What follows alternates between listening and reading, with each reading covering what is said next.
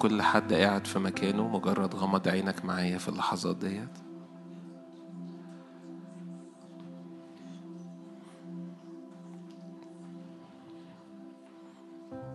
مجرد جهز قلبك وجهزي قلبك لأجل استقبال المعجزة لأجل استقبال كلمات الرب.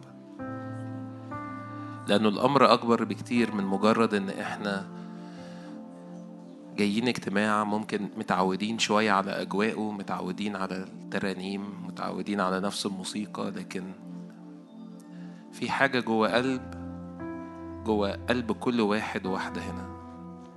الرب بيجي يسكب عليها. لأن نقطة التقاء السماء بالأرض هي جوه قلبك هي جوه قلبك. فعايز أشجعنا في اللحظات ديت وانت مغمض عينك ارفض كل distraction وأشجعك وأش... خلينا نشجعنا إنه لو في موبايلات بترن في وسطنا ممكن تعملها silent أو على الوضع الصامت.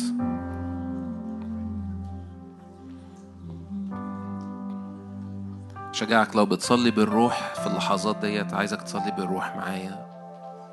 بصوت واطي بصوت هادي مجرد ان قلبك بيقول يا رب أنا جاي أنا جاهز أنا جاهزة عشان أستعمل أستقبل كل نعمة نازلة كل نيران نازلة لأن الرب يستجيب. مكتوب الإله الذي يستجيب بنار هو الرب. فينفع إن كل مرة بنقف أمام الرب نستقبل إلهنا حي هو ليس بين الأموات. إلهنا حي وهو يستجيب بنار. نعلن إن اسمه قدوس هو يهوى الإله.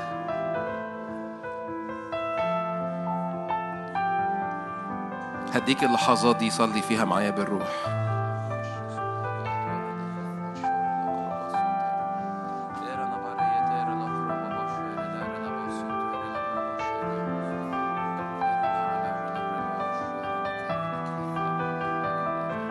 كعادتنا كفريق التسبيح إحنا بنتجمع مع بعض على الستيج بنصلي لأجل وقت تسبيح قبل ما نبتدي. فعايز أدعوكم إن أنتوا تشاركوا معانا اللحظات ديت. إحنا كفريق إحنا بنعبد الرب إحنا بنصلي لأجل الوقت اللي جاي. فشجعك ارفع إيدك معايا كده واعلن انه الوقت الجاي هو وقت مقابلات. بارك الوقت اللي جاي وقت الصلاة والعبادة. الوقت اللي إحنا مخلوقين عشان نكون فيه. لأنه الغاية هي العبادة مش مش وسيلة. أنا مش بعبد علشان أنا بدخل علشان أعبد. إحنا جايين عشان نعبد. كده كده هتستقبل. كده كده الرب هيستجيب بنار. بس أنت غايتك إنك تيجي تعبد الرب. فافتح قلبك وافتحي قلبك معايا واعلن الرب صالح جدا. هو اسمه قدوس هو يهوى الإله. من مثل الرب إلهنا؟ من مثلك يا رب؟ أنت مرتفع فوق الكل. نعلن أنه أن اسمك قدوس لك ينبغي التسبيح لك ينبغي الشكر. شجعك. اشكر الرب في اللحظات ديت. اشكره على كل لحظة فاتت كل أمر وكل استجابة.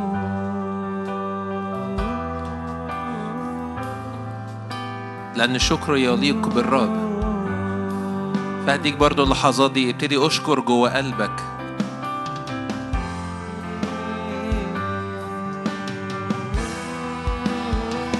بيسموها بالإنجليزي thanks giving أو أنا بدي شكر أنا بأعطي شكر. فإحنا نتقدم أمام العرش شاكرين الرب. على كل نعمة على كل استجابة. على كل خلاص. قل أشكرك يا رب لأنك خلصتني لأنك أقمتني لأجل فتاك القدوس يسوع اللي ذبح لأجلنا.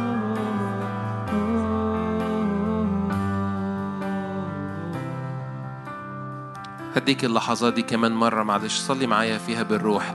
أؤمن إن ينفع تخش من أول لحظة في التسبيح وقلبك مليان وقلبك مستعد قلبك جاهز إنه يستقبل.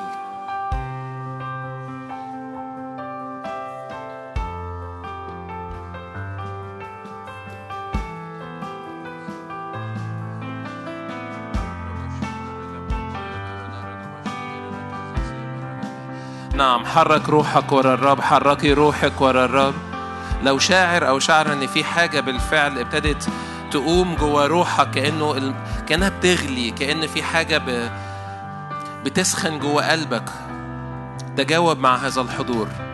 صلي في الروح أكتر. ارفع إيدك أمام الرب. لو حابب تقف حابب تسجد حابب تنحني خليك على راحتك خليك على راحتك أمام الرب. اللي أنت شاعر بيه واللي أنت شاعرة بيه امشي ورا الرب. اليوم متى سمعتوا صوته؟ لا تقصوا قلوبكم.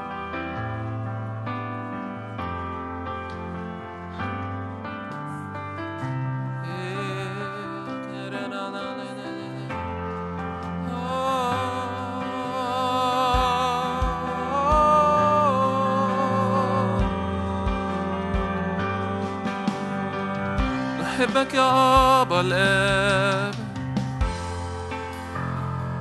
نحبك نحب حضورك يا أبا الآب إيه؟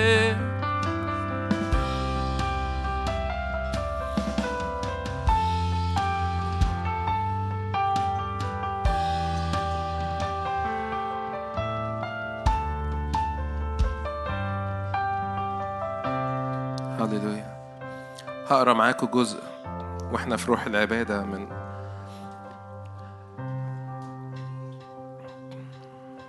أخبار الأيام التاني.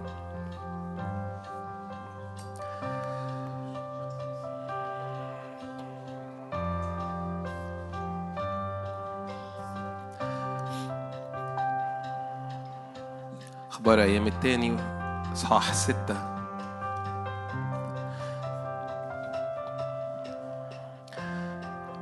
من عدد 12 مكتوب ووقف أمام مسبح الرب تجاه كل جماعة إسرائيل وبسط يديه لأن سليمان صنع منبرا من نحاس وجعله في وسط الدار. طوله خمسة أذرع وعرضه خمسة أذرع. وارتفاعه ثلاثة أذرع ووقف عليه. ثم جثى على ركبتيه تجاه كل جماعة إسرائيل وبسط يديه نحو السماء وقال أيها الرب الإله إسرائيل لا إله مثلك في السماء والأرض. حافظ العهد والرحمة لعبيدك السائرين أمامك بكل قلوبهم. الذي قد حفظت لعبدك داود أبي ما كلمته به فتكلمت بفمك وأكملت بيدك كهذا اليوم. والآن أيها الرب إله إسرائيل احفظ لعبدك داود أبي ما كلمته به قائلا لا يعدم لك أمامي رجل يجلس على كرسي إسرائيل. إن يكن بنوك طرقهم يحفظون حتى يسيروا في شريعتي كما سرت أنت أمامي. والآن أيها الرب إله إسرائيل فليتحقق كلامك الذي كلمت به عبدك داود. عدد 18 مكتوب. لأنه هل يسكن الله حقا مع الإنسان على الأرض؟ هوذا السماوات وسماء السماوات لا تسعك فكم بالأقل هذا البيت الذي بنيت؟ فالتفت إلى صلاة عبدك وتضرعه أيها الرب إلهي واسمع الصراخ والصلاة التي يصليها عبدك أمامك. عدد عشرين لتكن عيناك مفتوحتين على هذا البيت نهارا وليلا. على الموضع الذي قلت أنك تضع اسمك فيه. لتسمع الصلاة التي يصليها عبدك في هذا الموضع. شجعك ارفع إيدك معايا واقرأ معايا عدد عشرين كمان مرة. لتكن عيناك مفتوحتين. على هذا البيت نهارا وليلا. على الموضع الذي قلت أنك تضع اسمك فيه. لتكن عيناك مفتوحتين على هذا البيت نهارا وليلا على الموضع الذي قلت أنك تضع اسمك فيه. شجعك ارفع إيدك للسماء معايا وأعلن إنه ما هذا إلا بيت ما بالسماء ما هذا إذا بيت الله؟ الرب بالحقيقة ساكن فيك هو مكتوب يسوع ساكن فيك هو رجاء المجد. هذا هو البيت. اللي عينيه مفتوحة ليلا ونهارا. فوانت بتعلن الكلمات دي كمان مرة. اعلن إنه الرب الساهر عليك وعليكي على عيلتك على بيتك. لتكن عيناك مفتوحتين على هذا البيت يسوع اللي ساكن فيك. الكلمة في فمك وفي قلبك. والكلمة صار جسدا وحل بيننا. ورأينا مجده مجدا كما لوحيد من الآب. يسوع. فأشجعك لو لو حابين نقف كلنا مع بعض في اللحظات دي ومجرد حط قلبك في المكان اللي انت بتعلن فيه يسوع. هو حي هو ساكن. أنا عارف في هذا الصباح الدنيا برد شوية وممكن إحنا لسه صاحيين أو بنحاول نصحى بس الروح نشيط. فحرك روحك ورايا. حركي روحك معايا استقبل في اللحظات دي من الرب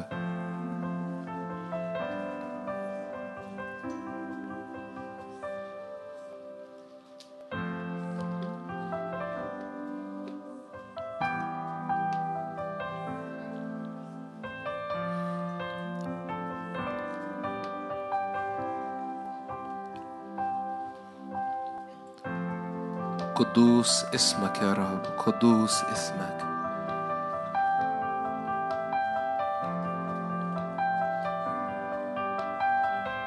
قدوس اسمك اعلن إن يهوى قدوس.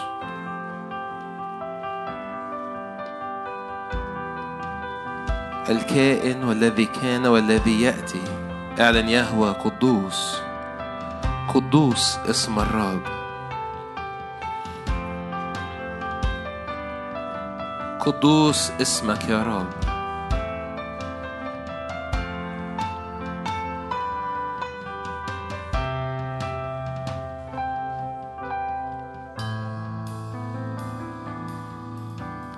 Kudus, Kudus,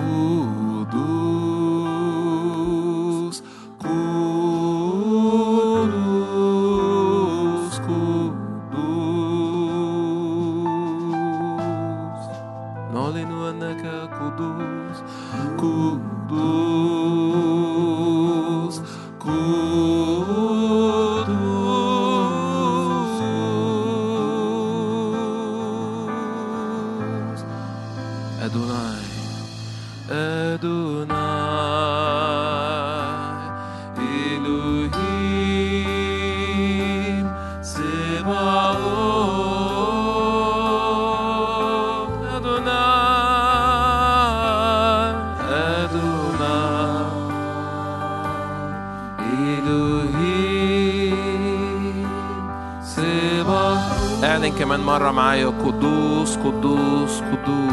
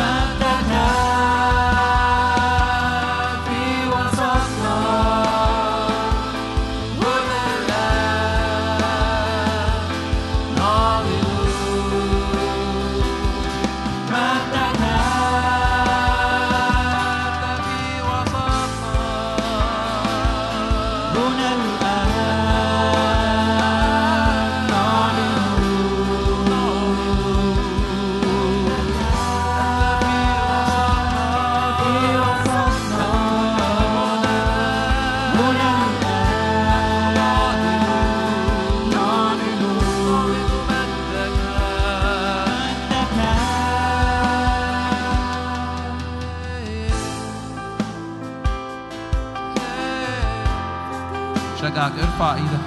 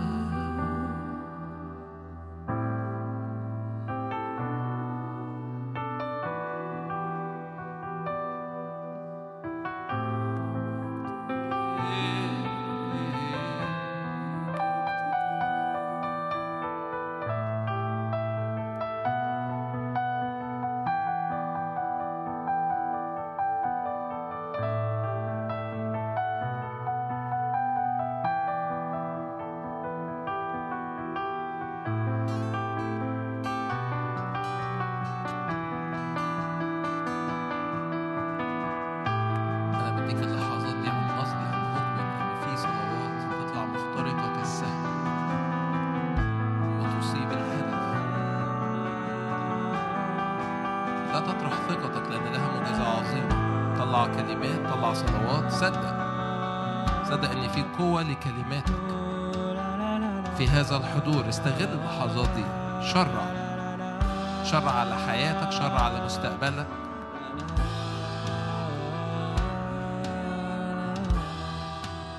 الموسيقى شغالة. أنا بديك الوقت ده. ده مش وقت ضايع. ده مش وقت تسرح فيه.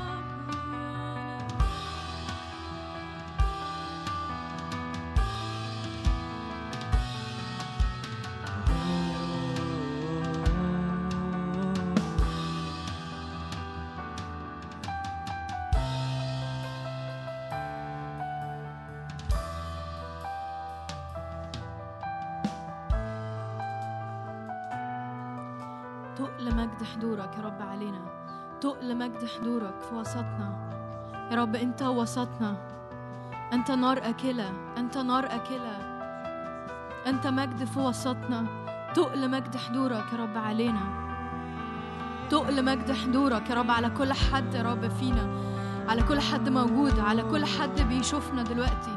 يا رب تقل مجدك علينا يا رب. يا رب حضور يحاصرنا يا رب حضور يا رب يحاصرنا يا رب. من خلف وقدام يا رب حصرتان يا رب. تقل مجدك يا رب تقل مجدك يا رب تقل مجد حضورك يا رب. يا رب بنصدق إنه مجد يا رب مجد أعظم جدا يا رب. مجد أعظم جدا يا رب من كل حاجة فاتت يا رب. من كل مجد شفناه قبل كده يا رب. بنصدق يا رب إنه مجد أعظم يا رب على كل حد يا رب. تقل مجدك يا رب تقل مجدك يا رب. يا رب أنت نار أكلة. أنت نار أكلة. يا رب أنت نار في وسطنا. أنت نار في وسطنا. تقل مجد حضورك. تقل مجد حضورك يا رب.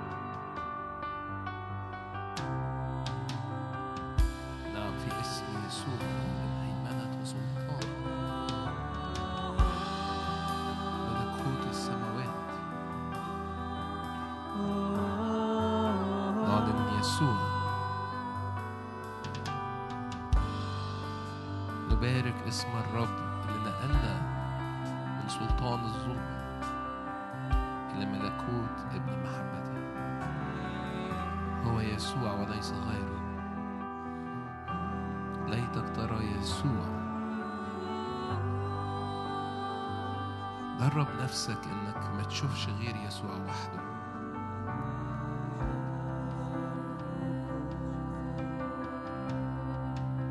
مش بكتر الترانيم مش بكتر الصلوات مش ب... مش بحلاوة حتى الموسيقى لكن بعينك البسيطة اللي شايفة يسوع وحده فيصير جسدك كله نيرا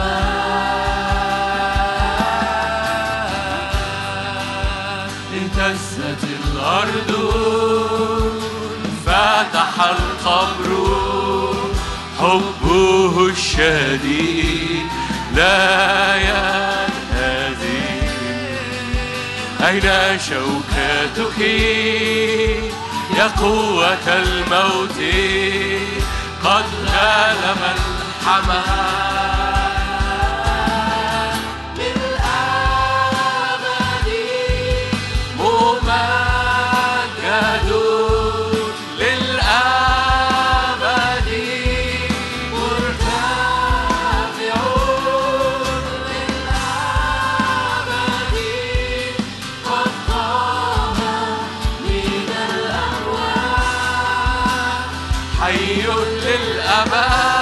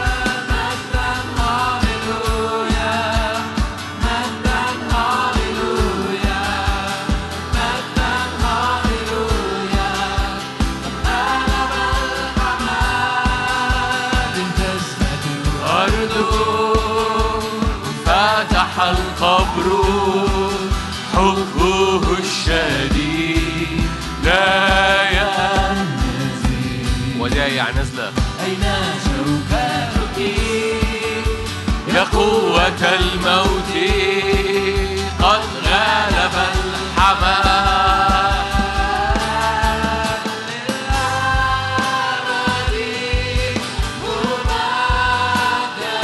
استقبل ودايع. ارفع الحمل. أمور نازلة.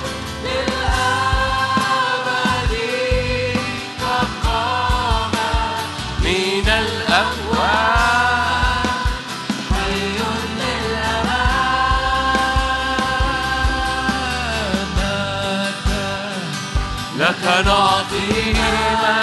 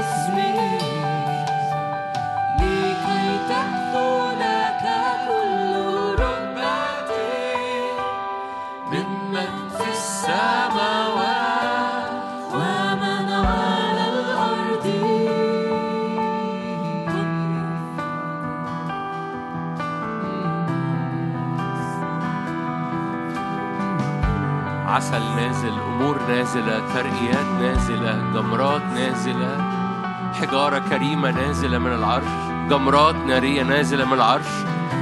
لما ارتفع الصلاة كبخور أمام الرب في سفر الرؤيا السماء بتستجيب بتستجيب بجمرات نار. أمور صاعدة من كنيسة عابدة وأمور نازلة من عرش يتجاوب مع الكنيسة. هناك عرش يتجاوب مع عبادتك هناك جالس على العرش يتجاوب مع التسبيح الخارج لأنه جالس قدوس جالس في وسط تسبيحات شعبه يا رب افتح عينانا لكي نبصر. الأمور النازلة من العرش. افتح عينانا لكي نبصر الحجارة الكريمة وال هللويا وحجارة النار النازلة من العرش. لأنك قال له أنت تمشيت في حجارة النار. في جبل الرب. تعال افتح عينينا لكي نبصر حركة الملائكة الصاعدة ونازلة في وسط تسبيحات الشعب. ترقيات عبور بوابات.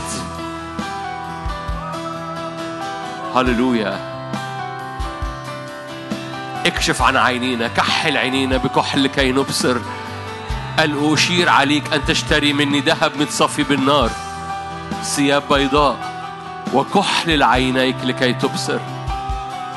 هللويا. انقل عروستك بمجد انقل كنيستك بمجد انقل ابنائك بمجد باسم الرب يسوع. انقل قفزات كالفرس قفزات كفرس في يوم القتال. لأن الرب يعد فرسه للقتال يعد فرسانه. هللويا. رب يعد فرسانه. تعال فينا بقفزات بنقلات باسم الرب يسوع. عد بمركباتك. عد بمركباتك التي تنتقل وتعبر باسم الرب يسوع لأنه زمن مدن المركبات اللي مليانة مركبات سليمان. هللويا. ملكوت الرب اللي مليان حكمة مليان من كل صنف وصنف املأ أهراؤنا.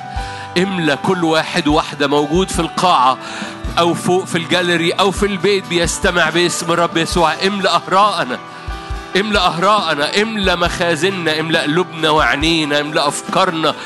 طير كل ما زرعه العدو الكذاب القتال. هللويا السارق واللص ليهرب الآن لتهرب هذا موسم. كل ما زرعه إبليس من أفكار كذب وقتل وسلب. تهرب الآن يطير الجراد يطير الجراد. كل صور سودة كل صور سودة. كل الصور سودة كل صور مقارنات كل صور أحمال كل ما زرعه العدو. القتال الكاذب هللويا الكاذب إلى الخارج. القتال إلى الخارج السارق واللص إلى الخارج. لأن الرب يملأ ذهنك ويملأ عينيك ويملأ مخازنك. كل جود صالح كل عطية صالحة وكل هبة تامة في اسم الرب يسوع. كل صور قديمة تهرب الآن باسم الرب يسوع. كل صور كل هوية مشوهة كل صور شخصية فيها سلب فيها مقارنات فيها عجز فيها موت. هللويا. الكذاب والقاتل والسارق واللص إلى الخارج. باسم الرب يسوع. لا يبقى كذب. صلي معايا قول كده. لا يبقى كذب في دماغي. لا يبقى كذب لا يبقى تشوه في هويتي. لا تبقى صور سوداء في قلبي باسم الرب أنا بطرد الكذاب. أنا بطرد السارق. أنا بطرد القتال. هللويا. أنا أقبل فقط من يد أبي. كل جود كل نعمة كل صلاح.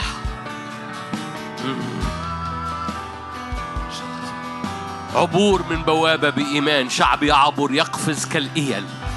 هللويا. وجوههم كالظبي. وجوههم كالظبي على الجبال في السرعة. هللويا. وجوههم كالأسد وهم كالظبي على الجبال في السرعة يقفزون. هللويا.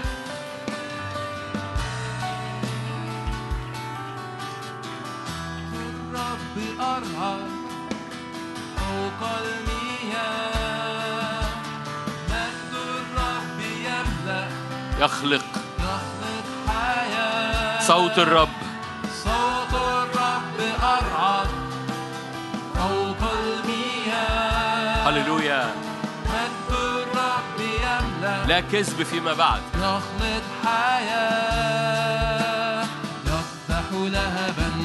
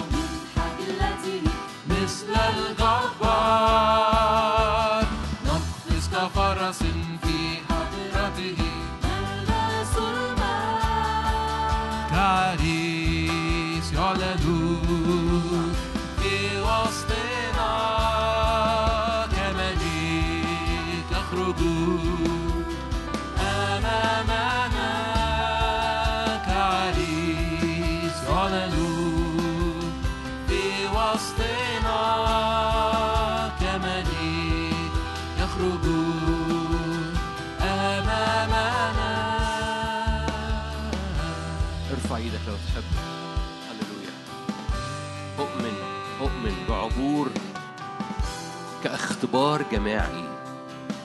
اختبار جماعي لعبور على حساب الكذاب السارق والقتال. اللي نهب من العروس لسنين طويلة نهب أفكار نهب رؤية نهب تركيز نهب تكليفات وإرسالية. أؤمن بدوس على الكذاب السارق والقتال. أؤمن بفتح لكذبه سرقته وقتله. وأؤمن بعبور مفديين على أعناق الكذاب والسارق والقتال. للحياة في التكليف والحياة في الإرسالية والحياة في صورة التجلي اللي رب دعاهم أن يعيشوا فيها. أؤمن بعبور بوابة للمجد. أؤمن بعبور بوابة في العروس هللويا. أؤمن بعبور بوابة للعروس في هذه الأزمنة في هذه الأيام وفي بداية هذه السنة. هللويا. املى كل حد كاختبار جماعي في القاعة في الجاليري في البيوت. املى كل حد في العروس بتاعتك. بالحقول بالأزمنة بعدن بالجنة بال- بالتواجد بالمسير اللي مليان بهاء ولمعان المجد. في اسم الرب يسوع. هللويا. يا رب ليك كل المجد. آمين.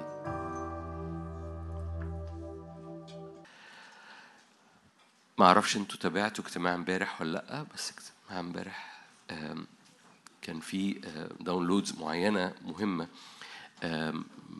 مش هقدر أعدي عليها كلها فأشجعك إنك لو تحب تبقى بعد كده ترجع لها. لكن إيماني ببساطة إن في لأن مش المعتاد بتاعنا إن إحنا نعمل مؤتمر في يناير لكن عن قصد عملنا مؤتمر هذه السنة في يناير لأنه أنا أؤمن إن في بوابة مهمة روحية بتعبر مع بداية هذه السنة مع نهاية آم، 21 لأنه شكل الزقاق شكل حياتك شكل التكليف اللي على حياتك بيختلف من 22 بصورة مختلفة تماما. هناك بوابة بتعبر من تحت ظلال من تحت نقاب أسود مرمي كلكم عارفين الآيات دي في أشعياء 25 النقاب المغطى به كل الأمم. من سواد من صورة مشوهة من صورة البشرية الساقطة اتحركت تحتيها لسنين طويلة فيها آه، بذار مرمية قديمة من عدو الخير يقول لك وإذا الجميع نياما عدى العدو ورمى بذار زوان آه، على مدار السنين اتزرعت بذار من عدو الخير. مليانة كذب زي ما كنا بنصلي مليانة كذب مليانة سرقة مليانة موت لأن هو دي طبيعته كذاب سارق وقتال. وهذه البزار عملت ظلال سودة على العروس بصورة خاصة على البشرية كلها بصورة عامة لكن على العروس بصورة خاصة وأدت إلى تشوه أدت إلى maximum ال maximum بتاع العروس هو شغالة بال potential بتاع 10% أو 20% من مما دعاها الرب إنها تعيش فيه. وأؤمن إن في هذه الأزمنة وزي ما هنحكي مع بعض النهاردة بتقدم عشان كده مش هرجع للاجتماع امبارح قوي لكن أؤمن الرب في هذه الأزمنة لأن هذا التعبير مكرر في كتاب مقدس إن دي أزمنة رد كل شيء. أزمنة رد كل شيء والتركيز اللي أنا عايز أنشن عليه إن كل ما زرعه العدو من قتل من كذب من سرقة في الهوية بصورة خاصة في الذهن بصورة تانية في القلب بصورة تالتة في التكليف اللي على حياتك بصورة رابعة. كل كذب وسرقة وقتل لكل هذه الأمور بيسترد لأن دي أزمنة رد كل شيء لأنه على مدار السنين ال- النقاب السواد ال- البذار السوداء اللي العدو زرع فيها زوان في وسط الملكوت هذه البذار أدت إلى كنيسة بتتحرك في ال maximum بتاعها على مستوى 10% من ال potential من المعروض ليها في ملكوت الرب. كل ده بسبب ما زرعه العدو من ظلال سوداء أؤمن إن في عبور لهذه البوابة. على حساب العدو فأنا أشجعك في هذه الأيام. امبارح لو كنت كنت حاضر النهاردة وبكرة إنك ترمي وتدوس برجليك على مراحل سابقة لأن زي ما كنا بنحكي امبارح الزقاق القديم مش هيعرف يخترق في تحديات المستقبل. الزقاق القديم طريقة التفكير القديمة النفسية القديمة لو أنت متشبث بيها ما بتعرفش تعيش في الأزمنة اللي اختلفت فيها ال- المواجهات واختلفت فيها ال- الاختراقات وال- وال- والفجوة بتوسع ما بين الملكوت اللي مليان نار والعالم اللي بيزداد انحدار. الفجوة بتوسع الحتة الرمادي عمالة بتقفل عمالة بتقفل عمالة بتقفل. معظمكم سمعني هذا التعبير بقوله لسنين طويلة يمكن بقالي أكتر من مش عارف سنين هذا عددها. بقول هذا التعبير إنه زي ما يكون ستارة بيضة من ناحية وستارة سودة من ناحية دول هنا في ستارتين. فستارة دي بيضة مليانة بياض غير عادي والستارة دي السودة مليانة سواد غير عادي. والستارة كانت مفتوحة وفي الوسط رمادي. ومع الأيام ستارة عمالة بتقفل. مع الأيام الرمادي ما بيبقاش ليه ما بيبقاش ليه صلاحية. والكنيسة اللي بتعيش في الرمادي بتفقد هويتها وبتفقد معناها وبتفقد اختراقها. لفترات طويلة كاولاد للرب جوانا بياض بس جوانا خلط جوانا كذب أو سرقة أو أفكار أو مقارنات أو موت. فجوانا حتت سودة. فعشنا في الرمادي بالطبيعي بالسليقة وقلنا الرمادي هو العادي. بس مع الأيام وده ملحوظة لو أنت أدركت أو بصيت من بعيد شوية على العالم وبصيت من بعيد شوية على الكنيسة ما تمر به الكنيسة في العالم كله من من من شك في الاختراق وشك في نتائج الصلاة وشك في الدعوة وشك في, في, في هو ربنا سامع ولا مش سامع هو ربنا فين أسئلة عمالة بتترمي كل ده جاي من كنيسة عايشة في الرمادي والرمادي بيفقد وجوده. والكنيسة اللي عايشة في الرمادي بتفقد وجودها بتفقد صلاحيتها بتفقد اختراقها لأن الستارة عمالة بتتقفل. ويا إما الكنيسة تنط للمجد الناحية البيضة اللي مليانة بر ومليانة لمعان غير عادي يا إما الكنيسة بتتبلع في السواد اللي عمال بيزداد لأنه الرمادي بيفقد هويته. عشان كده مهم جدا عبور ال- ال- العبور وراء الرب زي ما كنا بنحكي امبارح عبرني في المياه. وانت في المية بيعرف يعبرك وانت بتتفرج على المية ما بتعرفش تعبر. المياه هو الروح القدس هو النهر كنا بنحكي عليه امبارح. وانت في الحركة وراء الرب وانت بالل رجليك في مية الروح القدس بتحب الحضور بتحب العبادة بتحب انك تتنقل مش متشبث. بأفكار معينة أو بكذبة معينة أو بمقارنة معينة وواقف فيها لأن الكذاب مرة تاني أنا هقعد أكرر هذه الجملة لغاية لما أمين أمين أمين أمين تبقى جزء من الفابريكا بتاعتك إن هو قتال كذاب وسارق ولص لحياتك لأفكارك لقلبك لمشاعرك لاختراقاتك. وكل حاجة بتسرق أفكارك كل حاجة بتسرق فرحك كل حاجة بتكذب على ذهنك بفقدان للهوية وتشوه. وكل حاجة بتقتل دعوتك مش مصدرها العالم مش مصدرها ظروفك ومصدرها السارق القتال الكذاب اللي ممكن تدوس عليه وتعدي. فما تساومش معاه ما تطبطبش عليه ما تقولش أصل أنا عندي تحليلات ليه حصل كذا وليه حصل كذا. دوس على الكذاب السارق القتال وشوف هيحصل إيه. اعبر على ده لأن ده ده اسمه دي هويته. لو الرب بنقول عليه الصالح التاني ده بنقول عليه قتال. لو الرب نقول عليه بار لو الرب نقول عليه أمين لو الرب نقول عليه مليان نور مليان بهاء مليان قداسة التاني ده بنقول عليه إنه سارق وكذاب وقتال. وبالتالي مفيش تفاهم مع مع هذه الأمور. دي هوية دي شخصيته دي الوظيفة اللي في البطاقة بتاعته. قتال سارق كذاب. وبالتالي تعاملك معاه مش ب مش بال مش بال مش, بالمساومة لكن بال بيقول لك دول تتعامل معاهم بالحديد. مش هخش في دي آيات من داوود. يقول لك بنو بليعال ده تتعامل معاهم بالحديد بالمركبات. يعني ما تتعاملش معاهم بصوابعك. ما تتعاملش معاهم بعادي تتعامل معاهم بالحديد تتعامل معاهم بالشوكة والسكينة. أوكي. فرجوعا مرة تاني لفترات طويلة الكنيسة كانت بت- بتتعامل عادي إنها ممكن تعدي في الرمادي وت- وتخش للمجد وتخلص المجد تقوم راجعة للرمادي. يعني تخش للحتة البيضاء وتقوم راجعة للرمادي لأن الرمادي هو الطبيعي. بس الرمادي بيفقد هويته مع الزمن.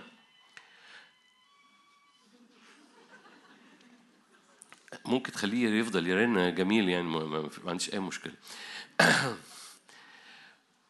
فالرمادي بيفقد هويته ولو الكنيسة فضلت في الرمادي بتفقد هويتها بتفقد اختراقها بتفقد عشان كده بقائك في الزقاق القديم ما بيعرفش يعدي تحديات الزمن اللي جاي لأن الزمن جاي الدنيا الستارة عمالة بتقفل الستارة عمالة بتقفل وكل ما الستارة بتقفل لو بقائك في الرمادي ما بتعرفش ما بتعرفش تعمل إيه في نفسك. ما بتعرفش تعمل إيه في نفسك وتقول لي ده أنا مؤمن أنا بحب الرب بس مش عارف أعمل إيه في نفسي ليه؟ لأن ال- الهوية فقدت لو أنت بتعيش في الرمادي. فقط في المجد فقط في في, في النهر. الرب يعرف عبرني في المياه. وإذا المياه ترتفع عبرني في المياه. لغاية لما توصل لحتة ناضجة جدا والعروس بتوصل لحتة ناضجة جدا. ناس كتيرة بتحب الصور السلبية على العروس في الأزمنة الأخيرة يقول آه أزمنة الارتداد العظيم آه طبعا لكل كنيسة لكل كنيسة عايشة في الرمادي أزمنة ارتداد عظيم لكن في كل كنيسة بتتنقل للمجد لأنه ب- بالمناسبة عارفين عارفين ليه إحنا مش عشان نفسنا نتشجع بنقول هذه الكلمات يسوع التصق بعروسته ولا لأ؟ يسوع هو رأس الجسد ولا لأ؟ لو إحنا بنقول إن الكنيسة هتتبهدل في الأزمنة الأخيرة يعني يسوع ساب العروس ولا إيه؟ يسوع رأس الجسد لم يترك الجسد. إذا الجسد يزداد قوة طول الوقت إلى النهاية. حد فاهم حاجة؟ ما ما إحنا إحنا لو لغينا لو لغينا إن إحنا صرنا واحد من التصق بالرب هو روح واحد بنفتح المجال لإسكاتولوجي أو أخرويات مليانة سلبية عن الكنيسة. يسوع التصق بعروسته يسوع اتحد بعروسته واتحاده بعروسته بيعني إن هذه العروس تزداد في المجد لأن هو ما بيسيبش عروسته تتبهدل. Okay. Okay. يسوع سيأتي لعروس مليانة مجد. ليس فيها عيب ولا غضن ولا أي شيء من مثل هذا. يسوع بيأتي لعروس غالبة منتصرة. ده حضرتك وحضرتك. عشان كده مهم جدا إنك تدرك إن الأمور في الملكوت في الارتفاع في الازدي والمل... بص okay دي مش جملة طايرة في الهواء بلاستيك. دي عن حضرتك وعن حضرتك دي نبوة عنك. مقاصد مش مش مقاصد الرب. ال- ال- المعروض لك في الأزمنة دي واللي جاية أن تزداد عبورك وتزداد قدا- القداسة فيك وتزداد النقلة فيك وتزداد القوة فيك ويزداد عينيك رؤى ويزداد حسك تمييز ويزداد ذهنك حكمة ويزداد حياتك لمعان في المجد؟ لأن مقاصد الرب العروس عمالة بتتنقل عبرني في المياه خلي بالك ده إحنا حكينا امبارح ان هذا الشاهد شاهد في حسقيال 47 مربوط برؤية 22 ده في النهاية خالص إن حوالين هذا النهر أشجار من كل جهة في 47 حوالين هذا النهر شجرة الحياة في رؤية 22 والشجرة دي ورقها دواء وهو ده اللي موجود في حسقيال 47 عن كنيسة الرب عن العروس. في صورة ناضجة رب ينقل ليها العروس بيعبرها في المية. لو أنا ماشي على الشط رجليا ناشفة ما بيعرفش يعبرني وأنا في المية بيعبرني في المية والمياه ترتفع ترتفع بوابة ورا بوابة ورا بوابة. وأنا أؤمن إن إحنا في بوابة في بداية هذا الموسم بواب- بوابة في بداية هذا الزمن لأن الرب فعلا بطريقة استراتيجية بيريد أن يسكب ترقية على حياتك على حساب القتال الكذاب السارق واللص. من فضلك من فضلك. أنا أنا حريص جدا إنك تبقى الأمر جاد جدا إن دماغنا وقلوبنا عششت فيها أفكار كذب وأفكار مشوهة الهوية وأفكار مقارنات. وهذه الأفكار أدت إلى إعياء في العروس. يتصور أنه يبلي قديسي. إحنا أنتوا عارفين لو أنت حاضر إمبارح تدرك إحنا بنتكلم عن القديسين.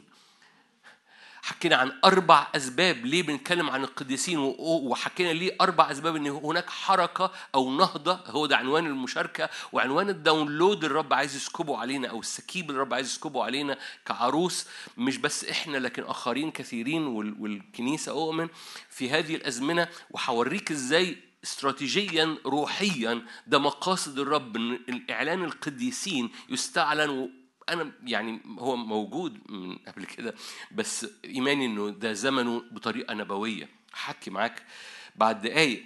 ف ف ف ف بس في سبب لقصة القديسين دي. وحكينا أربع فاكرين حد كان موجود إمبارح؟ أربع حاجات. ليه؟ لأن القديسين دول ده ده ده غنى مجد الميراث للقديسين. ده الرب مهاب في مؤامرة القديسين.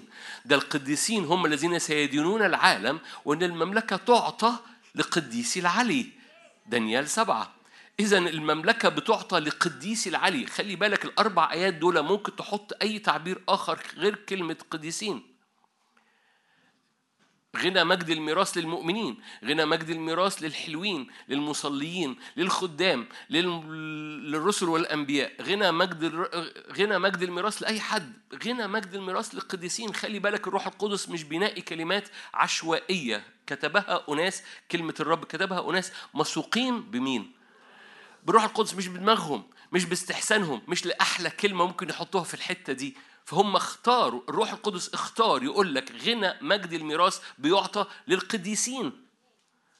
وحكينا إزاي إن هذه الكلمة كلمة بالنسبة لنا مش مستخدمة وحكينا امبارح حبة حاجات مش مش موضوعنا دلوقتي. فارجع الاجتماع امبارح. فببساطة إن هذه الكلمة في هذه الأيام اؤمن الرب عايز يشبع أرواحنا بيها لكي ندرك إنه لو أنت محتاج ميراث غنى مجد الميراث اللي ليك في المسيح يسوع ده بيعطى للقديسين. الرب يبقى مهاب في مؤامرة القديسين. يعني ممكن مؤامرة المؤمنين مؤامرة المحاربين مؤامرة الملوك والكهنة أي ح... no الرب مهاب في مؤامرة لما القديسين يدركوا الهوية وي... ويطرحوا عنهم كذب وال... والسرقة والموت بتاع الهوية دي اللي هي no no no no القديسين إيه؟ لا, لا, لا, لا ترتقي فوق ما ينبغي أن ترتقي ليه؟ ودي جملة مش مظبوطة. حكينا امبارح إن كلمة أوكي ما كنتش عايز أهم. إن إن تعريف كلمة قديس هو المخصص المنفصل المرتفع. يعني من أول يوم أنت سلمت حياتك للرب الرب يقول لك أنا إله مرتفع أنت بقيت بتاعي فأنت بقيت مخصص ليا. أنت قديس من أول يوم.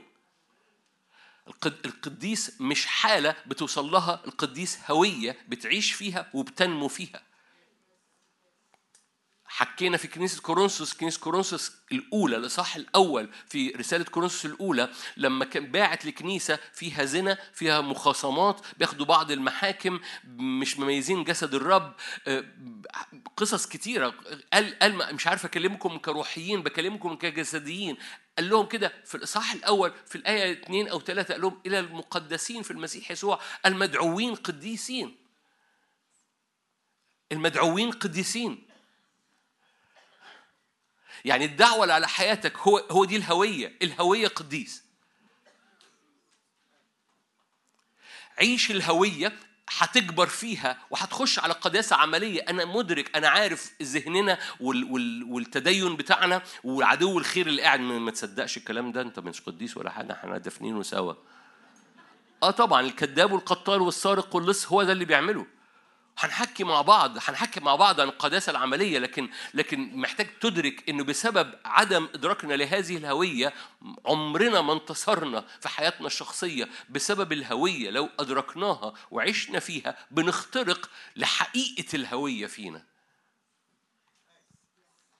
هقولها مرة تاني. بسبب عدم إدراكنا للهوية إن في البطاقة مكتوب عند حضرتك قديس للرب. آه لما سلمت حياتك للرب أخدت بطاقة فيها حبة هو... هويات كتيرة قوي. ابن زي زي التاني ده اللي عنده هوية إنه قتال وسارق ولص أنت عندك هوية تانية فيها ابن فيها حاجات كتيرة قوي. من ضمنها في هذه الهوية قديس. من اليوم الأول. يعني إيه قديس؟ يعني مخصص للرب. لو أنا قلت لك أنت من اليوم الأول لما سلمت حياتك للرب أنت مخصص للرب هتقول لي أكيد. أقول لك مخصص يساوي قديس. كلمة قديس يعني مخصص. يعني منفصل يعني ملكية حد تاني يعني مرتفع ليه؟ لأن هو مرتفع. فأنا إن ارتفعت أجذب إلي الجميع ودي مش حالة دي هوية لما بتعيشها وبتنمو فيها وبتكبر فيها بتتحول إلى حياة عملية فبتعيش الهوية بتاعتك لكن قبل ما تعيش الهوية لو ما عشتش الهوية بتاعتك بتفضل هوية بس أنت مش مستمتع بإمكانياتها ودي الحالة العامة إن في هوية اسمها هوية قال لهم كده خلي بالك بص كيس كورنثوس كنيسة روميا هو نفس التعبير إلى القديسين الذين في روميا. مش عجيب برضو إن الرسول بولس يوجه رسائله دايما؟ اقرا ارجع ورايا ممكن أنا قلت لكم امبارح ممكن نقلب هذا المؤتمر دراسي. ليه؟ لأن لو قعدنا ندرس القصة بولس كل رسائله إن كانت لروميا إن كانت لأفسس إن كانت لكورنثوس كورنثوس. فاهمين يعني إيه كورنثوس؟ إلى القديسين. وبعد كده يقوم داخل وحكيت لكم امبارح إنه لغاية آخر رسالة كورنثوس الثانية بيقول لهم امتحنوا أنفسكم هل أنتم في الإيمان أم لا؟ حلو قوي. يعني أنت بتقول لناس بعد بعد ما تابوا أصلا. دي كورنثوس الثانية. بعد ما تابوا وبعد ما رجعوا بتقول لهم امتحنوا أنفسكم هل أنتم في الإيمان أم لا؟ وأنت في أول رسالة قبل ما يتوبوا بتقول لهم إلى المقدسين في المسيح يسوع. المدعوين قديسين؟ آه لأن القديسين دي هوية. طب آه، آه، okay ده موضوع يعني okay أنت بتناقشنا يا نادر في موضوع روحي no no no no هثبت لك حالا بعد دقايق إن القصة فيها تسلسل نبوي لنضوج الكنيسة وأتاري الكنيسة بتنضج لحتة اللي هو النهر السباحة الذي لا يعبر اللي هو الحصاد اللي موجود في حزقيال 47 اللي سمك كثير جدا واللي بيرموا الشباك على الجانبين ليه؟ لأن في حتة ناضجة جدا بتحصل في أعمق حتة في النهر إن أعمق حتة في النهر هي القديسين أوكي. إن أعمق حتة في النهر هي القديسين. الإعلان ده الإعلان ده لم- عشان كده المملكة تعطى لقديسي العلي. المملكة فاكرين دانيال؟ دانيال سبعة. دانيال سبعة قال المملكة تعطى لقديسي العلي. طب اخ- اختار أي كلمة تانية. لا كتبه أناس هذا الكتاب مقدس. كتبه أناس مش من دماغهم. كتبه أناس مسوقين بالروح القدس. هناك قصد لاختيار هذه الكلمة. المملكة تعطى لقديسي العلي. القديسي دي لأن هم بقوا قديسين طايرين بيرفرفوا ولا الهوية؟ خلي بالك في نفس الإصحاح في في في نفس الإصحاح يقول لك إن العدو يحاول أن يبلي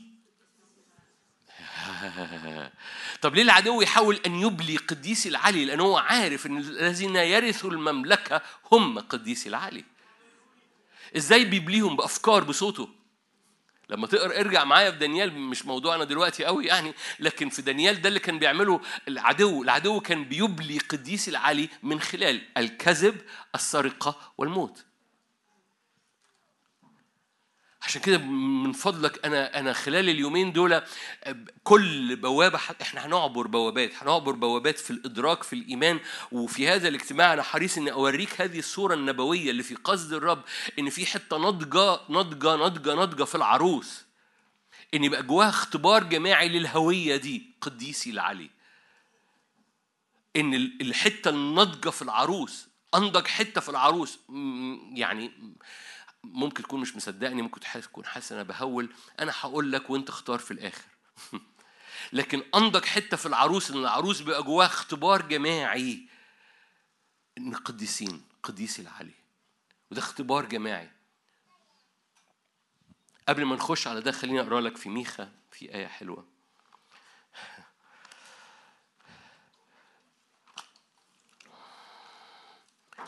إيماني إن إحنا بنعبر بوابة مهمة في هذه الأزمنة وإيماني إنه الرب ينقل عروسته لأنه المستوى القديم هو الرمادي والمستوى الرمادي بيفقد هويته بيفقد اختراقه بيفقد معناه بيفقد طعمه. عشان كده تجد بقى ناس خارجة مش حاسين بطعم في الصلاة مش حاسين بطعم مش عارف إيه مش حاسين باختراقها في إيه. نعم لأن الرمادي بيفقد هو... ما فيش أرض تحتيه بيبقى طاير على الهواء وفجأة يحس أنا كنت ماشي وحاسس الدنيا زي الفل وفجأة لقيت كأني حاسس إن أنا طاير على الهواء مفيش أي مفيش أي ثقة. أنا مش واثق في ولا مش واثق ولا في الصلاة ولا مش واثق في أي حاجة ولا واثق في نفسي ولا واثق في أي حد حواليا ولا واثق في بكرة. وإيه اللي هيحصل بكرة؟ الله أعلم. ليه؟ فجأة بقى في الفضاء. إيه اللي خلاه في الفضاء؟ إنه كان في الرمادي والرمادي لا يعود له وجود. يا إما أبيض لامع مليان تجلي يا إما أسود كحل. واللي الرب بيعمله بيخلي كنيسته الأيام دي تعبر وتدوس من من الرمادي ده على حساب الكذاب وعلى حساب السارق عشان تنط للأبيض.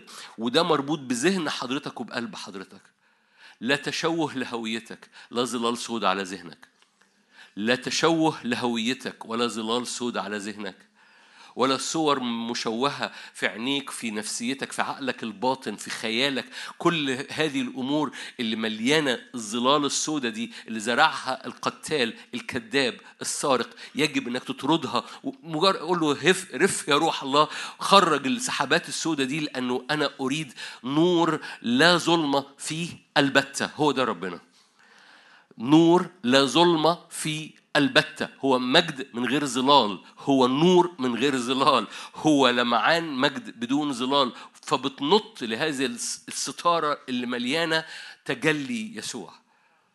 كلكم سمعتوني بحكي عن التجلي مش عايز أحكي عن التجلي قوي النهارده يعني لكن أو لكن يمكن أحكي عن التجلي. إنه إنه يسوع زي ما يكون رف- رفع الستارة بتاعة التجسد بتاعه عشان يوريهم صورته الحقيقية. عشان يوريهم الصورة لما لما بتعيش فيه شكلها إزاي.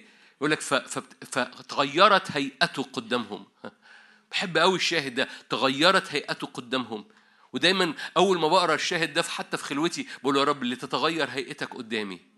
بمعنى إيه؟ بمعنى كل شوية لير من من الحاجات اللي زرعها ال- العدو جاء إذا وهم بعد نيام. عارفين المثل ده؟ السيد زرع زرع زرع زرع. بس هو إذا هم بعد نيام جاء العدو وزرع زوان. وكل شوية يقول له يا رب آه، تعالى شيل شيل ال- اللاير دي شيل طبقة من الكذب ده شيل طبقة من السلب ده عشان من السلب عن لمعانك وعن بهائك. فتتغير هيئتك قدامي لأن كل ما بتتغير هيئتك هيئتي أنا بتتغير. كل ما تتغير هيئته قدامك هيئة حياتك بتتغير. دماغك دم... دماغك. آه ياني من دماغك. آه ياني من دماغك. أول ما هيئته بتتغير دماغك بتتغير عينيك بتتغير أفكارك بتتغير نفسيتك بتتغير وبتبقى جاهز للأزمنة اللي جاية بتتنقل من الرمادي اللي فاقد الهوية إلى معنى مختلف تماما لأيامك ولحياتك ولعينيك ول... عينيك تنور. عينيك تنور. ميخا اتنين. ميخا اتنين 13 قد صعد الفاتك أمامهم. هم. هللويا. بحب قوي هذا ال... بحب قوي هذا التعبير عن الرب. الرب صعد قدامك نوعه إيه؟ إيه نوع الرب اللي صعد قدامك؟ ده ده ده نوع الرب اللي صاعد قدامك. طب ليه ليه نوع الرب اللي صاعد قدامك هو الفاتك؟ لأن هو بي بي بي بيقرقش حاجة سلبت منك بيقرقشها بغيظ اسمه الفاتك. فهو صاعد قدامك لكي يفتك كل حاجة خلت العروس عايشة على مستوى عشرة في المية من البوتنشال بتاعها بسبب الكذاب. فقد صعد الفاتك. ليه؟ لأنه لأنه كلكم عارفين طبعا القصة كلها مربوطة بكسر أبواب الجحيم بسحق الموت. لك ولية لأن كل حاجة الرب عايز يعملها ليك عملها في ابنه ليك.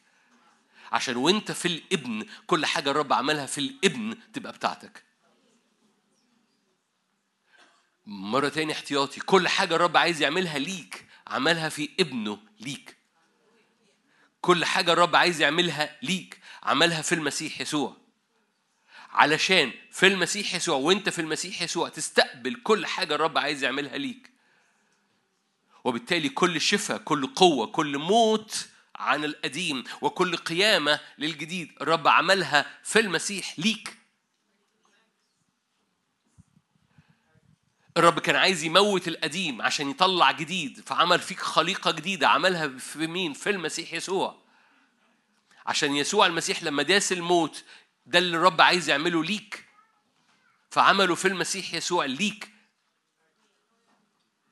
كنا فيه. متنا معه.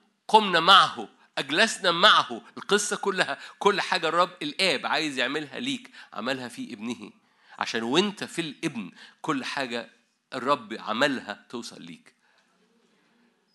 عشان كده اختبائك في الابن ومحبتك للابن وسكناك في الابن مش فكرة لذيذة وعظية. خلاص قلناها مرتين ثلاثة بقى خلاص. نو no, ده ده ده الحياة ده ده الهوية ده ده هويتك في السماء. هويتك في... أنت عارف إن ليك هوية في السماء؟ ليك هوية في السماء. وهويتك بشخصك وباسمك وبوجهك موجودة ليك في السماء بس ببساطة ببساطة عشان أبسط يعني عشان ما نخشش مش مش ده موضوعنا لأن ليك هوية وليك ليك وظيفة في السماء بالمناسبة. إن لما بتقف تصلي أنت مش بتحاول تعمل حاجة أنت بتت... المفروض إنك بتتواجد في الجبل اللي باسمك موجود في السماء لأن ليك وظيفة في العرش السماوي. وهذه الوظيفة أيا كانت الوظيفة بتتنوع من واحد لواحدة لكن هي موجودة في الإبن. فالابن هو المكان اللي فيه كل الآب كل اللي الآب عايز يعمله ليك عمله في الابن. عشان لما تقف في الابن بتقف في الوظيفة بتاعتك اللي أصلا موجودة في السماء. 80% من شغلك لازم يحصل في السماء. لو وقفت في 80% بتاعتك في السماء هتلاقي ال 20% الطبيعية اللي فاضله في الأرض بتحصل بسلاسة جدا. عشان كده قال لما احملوا نيري عليكم فتجدوا إيه؟ Okay. أنا دخلت في okay تعالوا نرجع مرة تاني. قد صعد الفاتك أمامهم.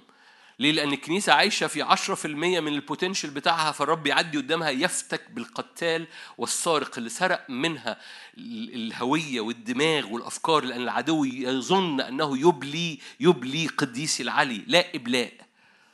من فضلك اتغاظ معايا. لا إبلاء لذهني لا إبلاء لتركيزي لا إبلاء لنفسيتي لا إبلاء لهويتي لا إبلاء لقلبي لا إبلاء لأيامي. آه. قد صعد الفاتك وهو عن قصد ما هو مش مش ما اختارش هذا هذا التعبير عن الرب كده يعني اعتباطا. نو no. كتبه أناس كتاب مقدس كتبه أناس مسوقين بإيه؟ بالروح القدس، الروح القدس هو اللي بيقول هنا وهو بيعدي قدامك عشان يرجع المسلوب اسمه الفاتك. قد صعد الفاتك أمامهم. فإيه؟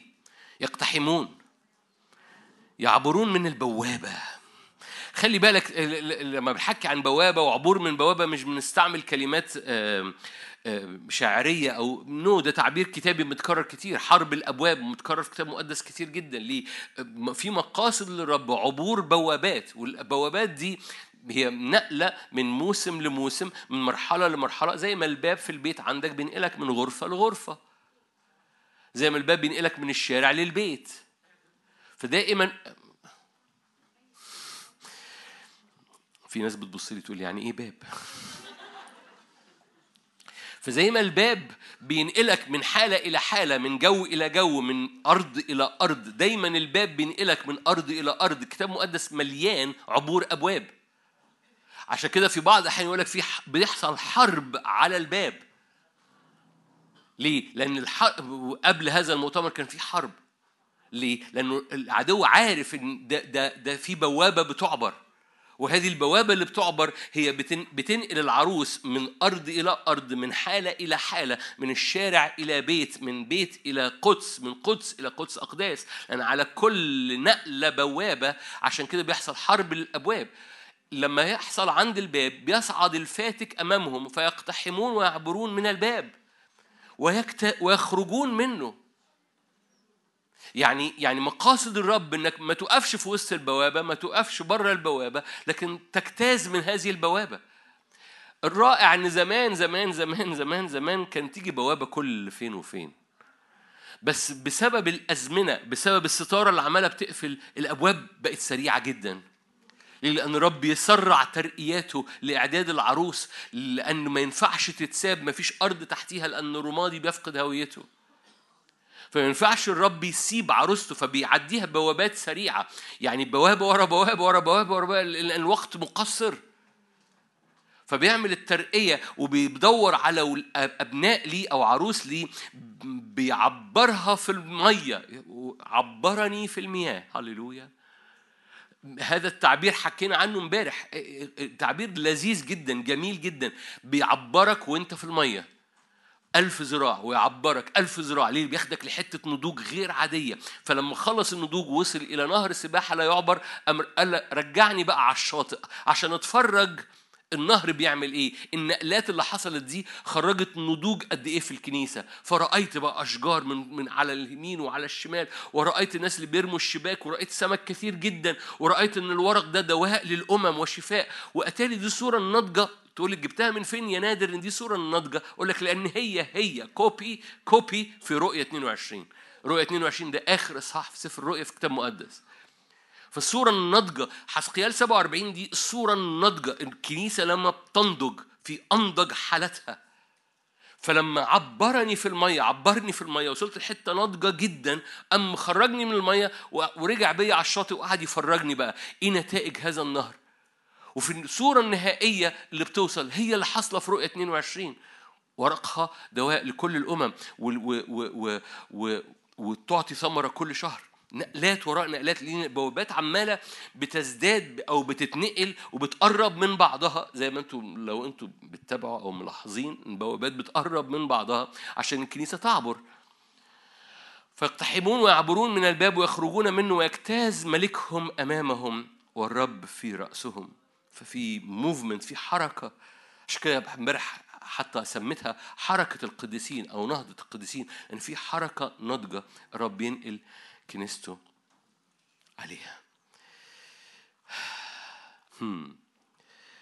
كتبت حبة كلمات كده هم يعني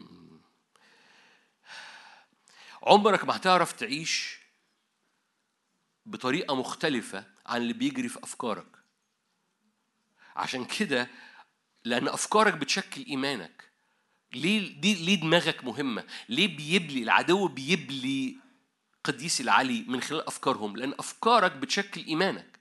ممكن في وسط الاجتماع ترفع إيدك وتصلي مع المرنمين ولا مع المتكلم وترفع إيدك وبحبك يا رب وكل حاجة بس الحقيقي الحقيقي الحقيقي بيحصل على المخدة في الليل. الحقيقي الحقيقي الحقيقي بيحصل لما الظروف تضغط عليك في الشغل والعلاقات تحصل في الكنيسة أو مع آخرين حواليك هو ده الحقيقي اللي بيطلع منك. بيطلع إزاي؟ بيطلع ناتج من أفكار اترسخت على مدار السنين وعمرك ما بتعيش بطريقة مختلفة عن أفكارك. لأن أفكارك بتشكل إيمانك. عشان كده مهم جدا إنه ال ال تميز اللي اتزرع الزوان اللي اتزرعت وانت نايم وإحنا نايمين اتزرعت هذه الزوان في أفكارك مليانة كذب مليانة سرقة مليانة مقارنات مليانة تفشيل مليانة صورة مشوهة ومليانة موت قتل فعمرك ما بتعرف تعيش. زقاقك عمر بيتشكل بحسب أفكارك لأن أفكارك بتشكل إيمانياتك. عشان كده تغيروا عن شكلكم. ما أنتوا حلوين أهو. أو في اتنين هنا. قالوا تغيروا عن شكلكم بتجديد أذهانكم لأن عمرك عمرك ما بتعرف تعدي. سهل في اجتماع تعدي. يعني لأن الجو العام ال- ال- الاختبار العام كده. لكن عمرك ما بتعرف تعدي سقف أفكارك. فلو أفكارك عاملة سقف عاملة محدودية هو هو ده ده ده الحقيقي بتاعي ده الأنا بتاعي ده ده ده الواقع. دي اختباراتي دي خبرتي القديمة أو الخبرة اللي أنا ورثتها من الناس اللي حواليا أو اللي أنا شايفه حواليا. فعاملة سقف. أذكركم في إنجيل مرقس نقبوا السقف. فاكرين؟ لما ما ينفعوش تخشوا وهم جايين معاهم حاجة عاجزة تماما شايلين هذا العاجز. شايلين هذا العاجز معاهم. أول ما وصلوا عند البيت لقوا زحمة حوالين كل حاجة ما فوتوا بكرة. ومعاهم عجز. بس هم رفضوا في حاجة في لا- لازم السقف يتكسر. أفكارك بتعمل سقف. ومن خلالها العدو يقوم يبلي قديس العلي وهذا السقف من خلال كذب من خلال سلب من خلال خبرات قديمة من خلال ذكريات قديمة من خلال هوية مشوهة. والرب يدعوك النهارده. ا- ا- اكسر السقف. ليه؟ لأنه مش هتعرف تعيش أعلى من سقف أفكارك لأن أفكارك بتشكل إيمانياتك. صمت في القاعة جميل. أفكارك بتشكل إيمانياتك. فمحدودية حياتنا ومحدودية اختباراتنا جاية من محدودية عينينا وعينينا مربوطة بالسلطانية اللي كبسة على عينينا فكبسة على رؤيتنا. إن كانت بتشوه هويا كان ب- ب- ب- ب- بكذب معين كان بخبرات معينة كانت هو ده الوضع. أو بالرمادي اللي بيفقد هويته. قلت لكم أنا كتبت حاجة. هو من البوابة اللي بتعبر دي من أذهان مشوشة إلى يقظة روحية. عمرك مريت بأوقات كده تحس إنك كده كأنك ماشي في ضباب كده مش عارف أفكر. ده دي ده ذهن مشوش. والعدو يحب يبلي قديس العلي بأذهان مشوشة.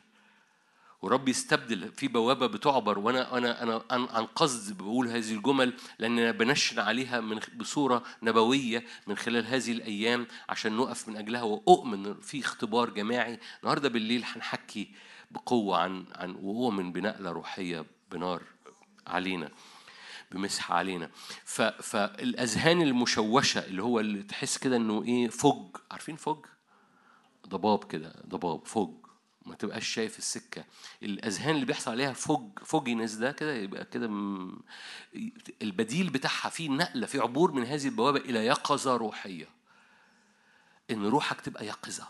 حتى لو عينيك الطبيعية م- بس روحك يقظة روحك منورة. أؤمن بعبور من صورة مشوهة إلى ملوك وكهنة. أؤمن بعبور من إرضاء النفس إنه آه، إلى إرضاء الحضور. نقلة في الأولوية من إرضاء نفسي إلى إرضاء الحضور. أنا عايز أرضي الجالس عايز أرضي الحضور الإلهي على حياتي. ليه؟ لأن عايز أكون في النهر لأن في النهر بتنقل عبرني وأنا في المياه. عايز أرضي الحضور. من سلبية إيه اللي يحصل يحصل. من سلبية لما تشوف حاجة بتحصل حواليك. من سلبية لما تشوف الكذاب بيكذب والسارق بيسرق والقتال بيقتل فيك. من سلبية إلى سلطان وقيادة. إنك تتحول من سلبية كده آه آه هعمل إيه يعني؟ ورب ينقل عروسته من هذا الفج من هذا الضباب ومن هذا الصورة المشوهة ومن هذه السلبية إلى قيادة وسلطان. أقول واحدة بايخة. من مستهلكين. يعني إيه مستهلكين؟ ده تعبير آه، من العالم يعني. الناس اللي بتستهلك مش بتنتج. من مستهلكين. يعني إيه يعني إيه بتستهلك في الملكوت؟ يعني مجرد أنت من الحاضرين. من مستهلكين الخدام. يعني في خادم تعالوا نستهلكه. من م... من م... يعني أنا بضحك معاكم عشان أديكم مثل يعني. من مستهلكين ال... ال... الاجتماعات من مستهلكين التأملات. يعني قول لي تأمل كده يمخمخ دماغي. فأنا بستهلك التأمل لكن أنا مش مؤثر مش مش باخد علشان أنتج. أنا بستهلك بس. الاقتصاد يقول لك في مجتمعات استهلاكية وفي مجتمعات إنتاج. ورب كمثال كمثال في بلادنا في مديونية لكن هذه المديونية لو ما تحولناش إلى مجتمع منتج مجتمع هيغرق. هتفهم حاجة؟ لو إحنا إحنا الكنيسة عاشت لسنين طويلة مجتمع استهلاكي مش مجتمع تأثيري. هللويا. فمجتمع استهلاك اجتماعات استهلاك تأملات استهلاك آخر تأمل آخر وعظة قالها الخادم مين؟ ده مجتمع استهلاكي. مقاصد ربين أنا, أنا أنتوا كويسين. أوكي. فرب فرب ينقل العروس من هذا النوع من الحياة اللي هي مجرد بتاكل إلى إلى إنتاج. فرب يعبر الكنيسة لأن الكنيسة عاشت على عشرة في المية من البوتنشال بتاعها. ومقاصد الرب إنه بيرفع النقاب يفنى النقاب في الجبل. مقاصد الرب إنه بيرجع العروس وتدوس وتعبر في الأبواب مع الفاتك اللي عابر قدامها على السلب. سلب س- صارخ دي ياه لو لو حطيت بقى أنت حطيت عنوان دي الهوية بتاعته البطاقة بتاعته اللي فيها السارق ده وبص بقى سرق إيه سرق إيه سرق إيه سرق إيه. سرق أوقات وسرق أفكار وسرق أيام وسرق سنين وسرق قوة وسرق نعمة وسرق تمييز وسرق كم السلب اللي سرقه من العروس. وجاء الوقت العروس تنتفض ورا الفاتك وتدوس دوسي يا نفسي بعز. وجاء وأؤمن أؤمن أؤمن. وحكي أكتر يمكن الاجتماع اللي جاي في الأغلب. كنت يمكن حكي الاجتماع ده بس طولت في المقدمة. أنا لسه في المقدمة بالمناسبة. إنه إنه إنه إنه okay أنا فصلت الكابل فهتبقوا ترجعوه. إن العروس بتتنقل من إدراكها إنها عايشة في عشرة في المية فقط من ال potential بتاعها. فتدوس على هذا السارق اللي سرق منها على مدار سنين واختبار جماعي نصعد بيه. مش نصعد بيه بس لنفسينا لكن نصعد بيه لبلادنا نصعد بيه للكنيسة المجتمعة. لأن بنتنقل من انحصارنا في نفسه أنا, أنا وبعدي الطوفان وبنقف من أجل الكنيسة كلها. إيماني الشخصي وده إيماني على مدار السنين من سنين طويلة قوي إن ما يسكبه الرب عليا مش ليا ومش علشان عشان حد هيحضر الخدمة نو no. ما يسكبه الرب علينا بينسكب على البلد حتى للي ما بيحبوناش. مش القصة القصة مش كده. القصة إن ما يسكبه الرب هي أواني مستطرقة. فكل أنبوبة مفتوحة على الملكوت لو انسكب في أنبوبة منها بتفرش على الكل. لو انسكب في أنبوبة تانية بتفرش عليا برضو. هتفهم حاجة؟ وبالتالي أنا أنا بحب هذا المشهد. ليه؟ لأن أنا بتبارك بيه. أي حاجة بتنسكب عليا بتفرش على كل الأنابيب. أي حاجة بتنسكب على أي أنبوب آخر بتفرش على عليا برضو. مش ده ألذ برضو ولا؟ لك أنا بقى ودي آه، بتدخلنا تحت سلطان القتال والسارق والكذاب في اسم يسوع نو. طيب. المقدمة طولت شوية.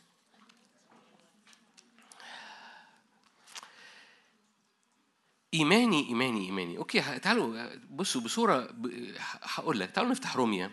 تعالوا نخش شوية نخش طوالي يعني. لأني طولت في المقدمة. خش طوالي على ال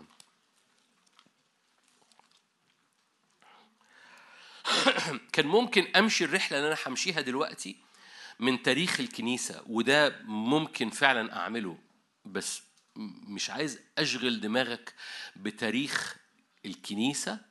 المعاصرة يعني. أو حتى تاريخ السكيب الإلهي فضلت كعادتي أنا كالعادة الشخصية بتاعتي أنا إن أطلع ال- ال- التسلسل من الحق أو من الكلمة ومن المسيح يسوع. فبص معايا على روميا ستة. هبص معاك على حبة حاجات كده هو آه، منظرها بسيط لكن القصة كلها القصة كلها بصورة نبوية فاللي أنا هقوله هقوله كأنه لاهوتي أو أو مش لاهوتي يعني مش عايز أقول لاهوت قصة الفدا يعني ببساطة. فهيبان كأنه إحنا عارفينه بس أنا باخده وبرفعه معاك لصورة نبوية لأن ده الحقيقي بتاعه برضو في بعد نبوي وده اللي حصل في تاريخ الكنيسة المعاصرة كمان. رمية ستة. أنتوا كويسين؟ آية آخر آية ابتدي بآخر آية وبعد كده أطلع على أول آية أجرة الخطية هي موت هبة الله فهي حياة أبدية. في المسيح يسوع ربنا. أول ما بتيجي للرب أول خبطة بتتخبط فيها مع الرب هو مع الصليب مع الفدا مع هبة الله. تمام؟ مش تمام؟ أول ما بتيجي للرب أول ما بتيجي للرب بتتخبط مع محبة مع الفدا مع الصليب مع أن أجرة الخطية موت في حد أخذ هذه الأجرة عنك رفع هذه الأجرة عنك وفي هبة في المقابل اسمها إيه؟ حياة أبدية صح؟ ده اسمه الفدا مش كده؟ أعدي أه أنا فاهم أنا عارف ده اسمه الفدا. ده اسمه إنك بتتنقل من الموت إلى الحياة بتتنقل من العبد إلى ابن ودي أول خطوة. فأول خطوة هي ابن. فدي أول ما رجليك. المفروض بتتغمس في المية هي ابن. ده أول level بس خلي بالك ال level ده بيعبر وبيعبر وبيعبر. ممكن تحكي معاه أو ممكن تبصوا على تاريخ الكنيسة بس أنا هبصوا من روميا ستة على ال- اللي يسوع مر بيه لأن ما يريد الرب أن يعمله ليك عمله في المسيح. فابتدي من خلال التجسد هو أخذ بشريتنا بس جابها بكل ما فيها من زبالة وحطها في الصليب وحصل افتداء فبقينا أبناء صح؟ بعد الصليب حصل إيه؟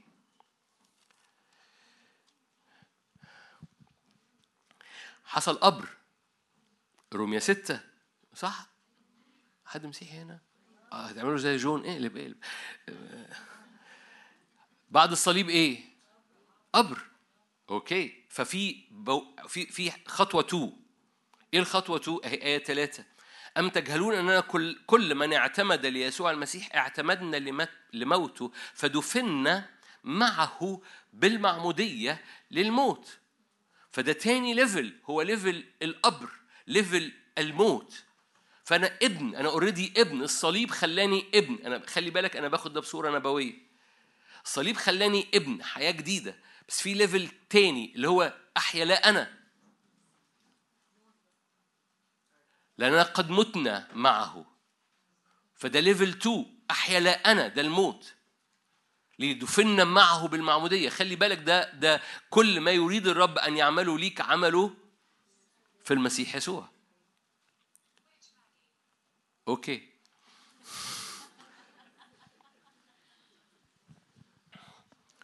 كل ما يريد الرب أن يعمله ليك عمله في المسيح يسوع عشان وأنت في المسيح يسوع تختبر هذا أحيا لا أنا. دفنا معه ده موت. دفنا معه ده موت. أوكي فدي نقلة. وراها إيه؟ أشكرك عشان خاطرك بس.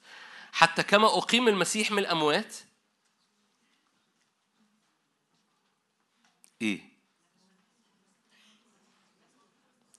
حتى كما أقيم المسيح من الأموات بمجد الآب هكذا نسلك نحن أيضا في جدة الحياة إذا القصة مش قصة تاريخية بس القصة إنك كنت معاه في الفدا فاستقبلت هبة اسمها حياة أبدية كنت معاه في الدفن فاستقبلت هبة اسمها أحيا لا أنا فكنت معاه في القيامة فتسلك في حياتك بقوة القيامة دي أنتوا موجودين؟ خلي بالك أنا ممكن أطبقه على الكنيسة لما ابتدت الكنيسة تؤمن وبعد دخلت في القداسة دخلت في في في نقلة في إنه لا أنا وبعد كده دخلت في قوة مواهب الروح القدس أو دخلت في قوة الحياة القيامة. فالكنيسة في تاريخ الكنيسة المعاصرة قبلت الرب وبعد كده دخلت في اللا أنا وبعد كده دخلت بعد اللا أنا دخلت في قوة القيامة وقوة اكتشاف مواهب الروح القدس. أنتوا موجودين؟ ما خدتوش بالكم هقولها مرة تاني. صليب الكنيسة بالنسبة لها سلمت حياتها للرب. معمودية أو أو دفن الكنيسة دخلت في في في إيمانها لحياة اللا أنا. قيامة الكنيسة دخلت في حياتها مع قوة الروح القدس. خلي بالك ده ده ممكن يكون قصتك انت. سلمت حياتك مريت ببرية وخبطت مع العتيق ومش عارف إيه عشان توصل في تخبيطك مع العتيق إن العتيق يجب أن يصلب أو يدفن. وبالتالي سلمت حياتك وبعد خبطت مع العتيق عشان تدرك إن العتيق يجب انه يدفن. وده موجود ليك دفنا معه. وبعد كده استقبلت حاجة اسمها مواهب الروح القدس هو دي القيامة عشان تسلك في الحياة الجديدة بقوة هذه القيامة. أنتوا موجودين؟ حلو قوي. فالصليب بعديه قبر بعديه قيامة بعديه إيه؟ ما ما في ناس بيقولها بك... صعود اشكر حد مسيحي هنا؟ وأنا جيت في حتة غلط. يسوع بعد ما بعد ما قام حصل له عمل إيه؟ طب أنتوا حلوين أهو يا صعد عندي أخبار ليكم يسوع صعد okay. تعالوا نبص في إفسس.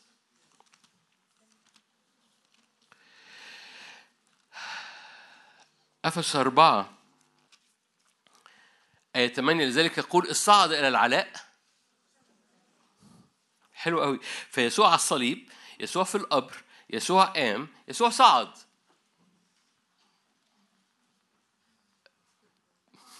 وشكوا يخض أنتوا ما فطرتوش ها؟ ولا عشان بقالنا مدة ما جيناش Fountain Gate فما okay إذ صعد إلى العلاء سبى سبيا وأعطى الناس عطايا ما إنه صعد إلى إنه نزل أيضا اولا إلى أقسام الأرض السفلى. الذي نزل هو الذي صعد أيضا فوق جميع السماوات لكي يملأ الكل. خلي بالك هو بيملأ الكل. هو لما صعد إلى العلاء عمل إيه؟ تعرفوا واحد اسمه سارق؟ يسوع سبى اللي سرقوا العدو من العروس. okay okay okay okay okay. أنا محتاج تدرك بس خلي بالك إن كل اكشن كان له نتيجة. الصليب كان له نتيجة. القبر كان له نتيجة. القيامة لها نتيجة. الصعود له نتيجة. وكل واحدة منهم بتعمل بوابة تنقل حياتك الروحية. الصليب عمل حياة جديدة. القبر بيحسم موضوع العتيق.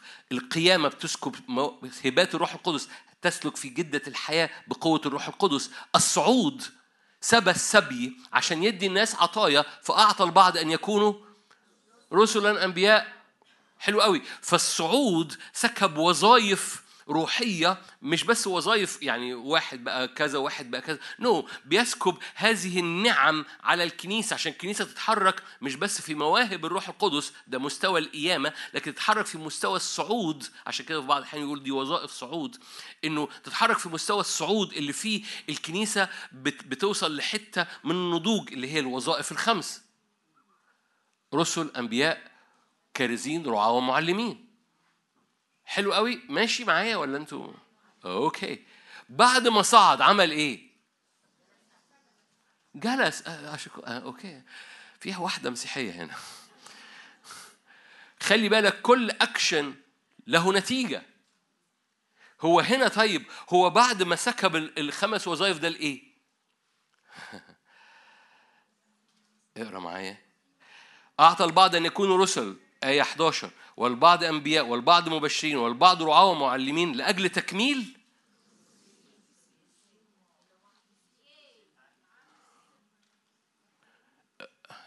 لأجل تكميل المؤمنين لأجل تكميل تكميل الخدام maximum ال level بتاعنا رسل وأنبياء ورعاة ومعلمين no no. لأن بعد ما صعد وسبى السبي وسكب الوظائف دي في أكشن كمان ده الاكشن ال- الناضج ال action ال final الاكشن ال ال ال ال ال النهائي. جلس. جلس دي هي هي تكميل القديسين. مرة تاني أنا واخدها من كتاب مقدس بصورة بصورة كأنها تعليمية بس هي صورة نبوية ممكن تطبقها على حتى على تاريخ الكنيسة. مرة تاني عشان أذكرك الصليب حياة جديدة. القبر حسم للعتيق القيامة سكيب للروح الجديدة ولهبات الروح القدس الصعود سكيب لوظائف وظائف الكنيسة مش إن حد يبقى كده وظائف الكنيسة يعني هذه النعم تملى الكنيسة فالكنيسة توصل لحتة ناضجة فالجلوس هو لتكميل القديسين ليه؟ لأن المملكة تعطى لمين؟ لأن دي أنضج حتة هتوصل لها لأن دي أنضج حتة آه الخطوة اللي فيها جلس يسوع عن يمين الآب. وقال اجلس عن يميني حتى أضع أعداءك موطن قدميك ده ال final final stage أنا ما أعرفش أنتوا هنا ولا لأ. بس بالمناسبة تاريخ الكنيسة حتى تاريخ الكنيسة المعاصرة عرفت الرب بالإيمان البار بالإيمان يحيى وتسلم حياتك هبة الله حياة أبدية اتنقلت لل هو الموت عن العتيق اتنقلت فاكتشفت مواهب الروح القدس اتنقلت فاكتشفت إن في خمس وظائف وجاء وقت إن الكنيسة تعبر هذه البوابة وتتنقل للإدراك إن في حركة نهائية اسمها حركة القديسين.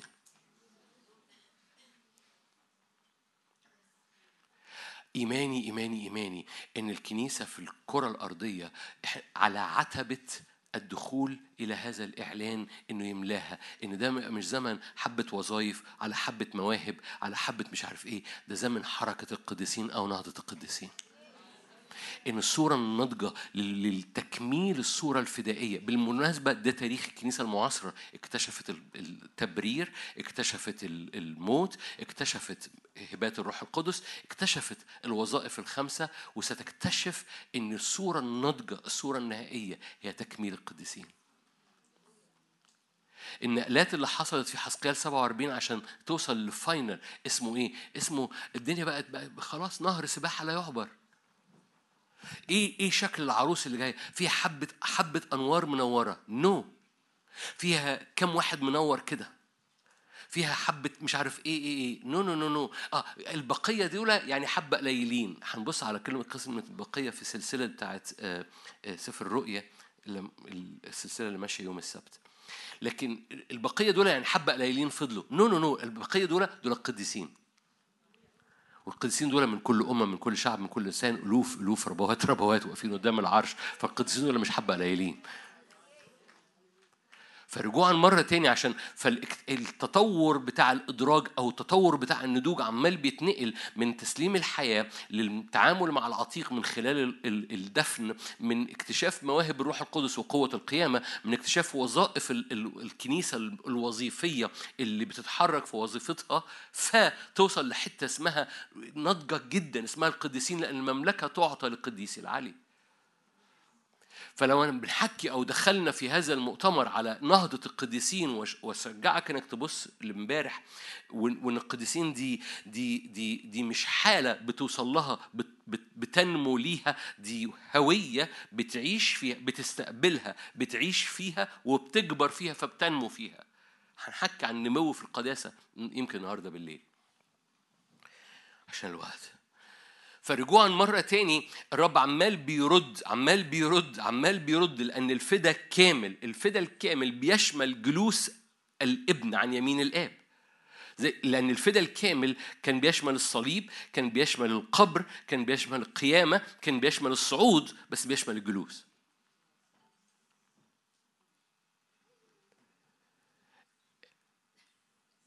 يا رب تكونوا أدركتوا إن إحنا كان مسلوق مننا حاجات كتير أوي. ويا رب تكون ادركتوا إنه إنه في المسيح في حاجة في في عبور قد صعد الفاتك. عشان نعبر من الباب ونجتاز والرب يعبر أمامنا. ليه؟ لأنه بيرجع العروس لل- لل- لل maximum potential بتاعها. وال maximum potential بتاعها مش حبة أنوار منورة مش حبة خدام مش حبة اجتماعات مش كنيسة كويسة كده. no بيطلع بيطلع حركة خليني أقول لك في العالم كله بس. على الأقل حركة في وسطينا وحركة في العالم العربي أو في السامعين في حركة حركة اسمها نهضة قديسين حركة القديسين ليه؟ لأنه لأن غنى مجد الميراث بيعطى لمين؟ لأن الرب بيبقى مهاب قدام مؤامرة مين؟ أنا هكررهم الأربعة دول طول الوقت في خلال المؤتمر ده، ليه؟ لأنه غنى مجد الميراث بيعطى للقديسين لأن الرب بيبقى مهاب في مؤامرة القديسين لأن القديسين سيدينون العالم. حكينا الشواهد دي امبارح. القديسين سيدينون العالم. عارف ليه في بعض الأحيان بتصلي يا رب اخضع الشر وما يحصلش حاجة؟ لأنك مش واقف في الهوية بتاعتك كقديس. قديس يعني إيه؟ يعني مخصص يعني منفصل يعني ملكية يعني مدرك إن دي الهوية بتاعتك. أنت قديس العلي. الهوية المشوهة انت اللي وحش وانت اللي بترجع وانت اللي دايما بترجع وانت اللي دايما بتشك وانت اللي دايما بتخاف وانت اللي صلواتك ما تجيبش نتيجة وانت اللي مش عارف إيه. ما انت حاولت قبل كده. تعرفوا حد بيقول الكومة دي؟ اسمه العدو اسمه الكذاب اسمه السارق اسمه اللص قارن نفسك. شايف؟ طب ما انت عملت مش عارف إيه. طب واشمعنى واشمعنى واشمعنى واشمعنى؟ واشمعنى ده حصل معاه؟ واشمعنى ده اتبارك وأنا ما اتباركتش؟ واشمعنى ده مش عارف إيه؟ واشمعنى البوابة دي؟ واشمعنى والرب يدور على على أشخاص ببساطة مدركين إن أبوهم بيحبهم وأنا مستخبي في الابن فأنا مستخبي في الابن استقبلت حياة جديدة وأنا مستخبي في الابن بنتصر على العتيق لأني أنا دفنت معاه وأنا مستخبي في الابن بيسكب بالروح القدس لأن هو ده القيامة روح القيامة بيسكب جدة الحياة الروح الجديدة وبالتالي وأنا في الصعود سكب عليا آه إدراك إنه في كرازة وفي رعاية وفي في إرسالية وفي تكليف وفي سماع للصوت هو دول الخمس وظائف في الكنيسة. بس في حاجة ناضجة جدا جدا جدا. مش بس عليك كفرد لكن علينا كجماعة. ده اختبار جماعي. اسمها حركة القديسين. ده الجلوس لتكميل القديسين. لتكميل القديسين. لعمل الخدمة بقى. لحقيقي حقيقي حقيقي. العدو ما يعرفش يبقى عارف يلمها من مين ولا من مين. العدو ما يبقاش عارف يلمها من مين ولا من مين. وان القصة ما بقتش تقاد من stage ولا من ميكروفون. القصة بقت بقت موجة العدو ما بقاش عارف لأن الجسد كله هو قديسي قديسي أيوه أنا عارف قديسي ده جمع. قديسي ده جمع. قديسي العلي. وما بيني وبينك أنا عم أنا أنا أنا أنا في كأن كان في بعد أناني بس دي أنانية روحية حميدة. إنه إنه دي أنانية الرب هو ال هو ال هو اللي عايز يعملها. إنه إنه إنه القصة كلها إنه عايز يطلع الك- الكل منور الكل الكل الكل من تكميل القديسين دي صورة ناضجة. القصة ما بقتش stage القصة ما بقتش منبر القصة ما بقتش ميكروفون. ورب يطلع شعب كله أنوار كله عينين مفتحة مفيش فج مفيش ضباب على دماغه مفيش لخبطة في هويته مفيش قاعد بيقارن جنبه اللي جنبه عمل إيه واللي جنبه اخذ إيه القصة بقت مختلفة تماما لأنه بقى حر بقى قديس قديس يعني إيه مش بقى قديس هو بقى هو ادرك الهوية هو مخص- مخصص منفصل هو مرتفع هو مخ... رافع أجنحته هو مليان نور زي ال... ال... ال- البانر اللي عملناه لهذا المؤتمر هو مليان نور. الذين بيضوا ثيابهم ففي حاجة مختلفة خالص. مليان مليانين نور فاردين أجنحتهم وكلهم ده تكميل القديسين. ليه؟ لأن ده بداية الشغل. فاكرين لما وصل لأنضج حتة؟ نهر السباحة لا يعبر؟ قالوا ارجع بقى تعالى أفرجك على الشغل اللي حاصل. بعد ما توصل لما الكنيسة بتوصل لأنضج حتة رب يقول لك تعالى بقى أفرجك على الشغل اللي حاصل. بعد ما وصل لنهر سباحة لا يعبر يقول لك أخرجني على الشط ورجعني. وقال لي تعالى اتفرج. شايف الأشجار؟ شايف الأشجار؟ أشجار البر؟ شايف الأشجار وكل شجره عمال بيطلع ثمره في مكانه وبيطلع ثمره في وقته كل شجرة بتطلع ثمرها في وقتها. فميزين الأوقات مميزين الأزمنة عينيهم مفتحة مليانين نور وال- وال- والشجر ده مليان ثمر والثمر طالع في وقته والورق اللي خارج أضعف حاجة خارجة من كل شجرة بتشفي الأمم. أما الغمقات والبرك حكينا عنها امبارح الحتت اللي انت مش فاتحها للمية مش فاتحها للنهر بتبقى مليانة مرارة. فالرب حطها ليك في حسكال 47 خلي بالك إن البرك بتبقى مرة لا تشفى ما بت- ما بتخفش فما تبقاش بركه اتنقل في النهر اتنقل في النهر. موجود في المؤتمر ده أو بتسمعنا اتنقل ورا الرب قول يا رب أنا عايز أنفض ال... أنفض الكذب ده. مش هفضل أتشبث لأن عندي تاريخ وعندي قصة. حتى لو عندك تاريخ وعندك قصص. من فضلك الكذاب السارق القتال هو اللي عمل كده في حياتك. وده مصدر كل تا... كل تاريخك السلبي. مصدر تاريخك السلبي مش اهو ظروفي وده اللي حصل والناس والدنيا والحياة مصدر تاريخك السلبي هو القتال والسارق لأنه يبلي يبلي مين؟ قديسي العلي ليه؟ لأنه عارف إن القديسي دول الجمع دول دول لو فاقوا لو صحصحوا لو أدركوا إن دي أنضج صورة ليهم ده ده ده ده, ده أنضج صورة للكنيسة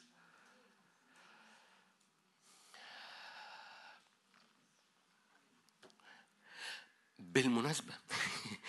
ال ال ال ال الكنيسة بصورة عامة في الأرض وصلت لل maximum بتاع الخمس وظائف. يعني الك- الكنائس النهضوية النهاردة الكنائس اللي هي يعني مقطعة السمكة وديلها هي اللي متحركة في رسل وأنبياء ورعاة وكارزين ومعلمين. صح؟ ده يعني دول اللي هرتقوا يعني. جابوا آخر ما عند الرب. القصة كلها إن في حتة في حتة فاضلة في المسيح يسوع. دي نتائج الصعود لما صعد سبى السبي وأعطى الناس الوظائف. أو سكب على الكنيسة هذه النعم إنها تسمع صوت ربنا إنها تتحرك في الإرسالية إنها تكرس بقوة إنها يبقى مليانة تعليم ومليانة رعاية. ده ده الصورة الن- دي صورة ناضجة ده جزء من الصنيع الإلهي من- أوعى تصور أنا بقلل منه. بس أنا مؤمن مؤمن مؤمن مؤمن مؤمن مؤمن إنك تدرك إن الكنيسة فيها فيها more. إن النضوج فيه more ومؤمن ده زمن عبور من هذا المستوى من خمس وظائف إلى هذا الموسم من حركة اسمها حركة القديسين اسمها نهضة القديسين. ليه؟ لأن دول اللي بيرثوا دول اللي بيرثوا المملكة تعطى للقديسي العلي والقديسي ده جمع. محتاج أقول لك الآية اللي في روميا ولا مش محتاج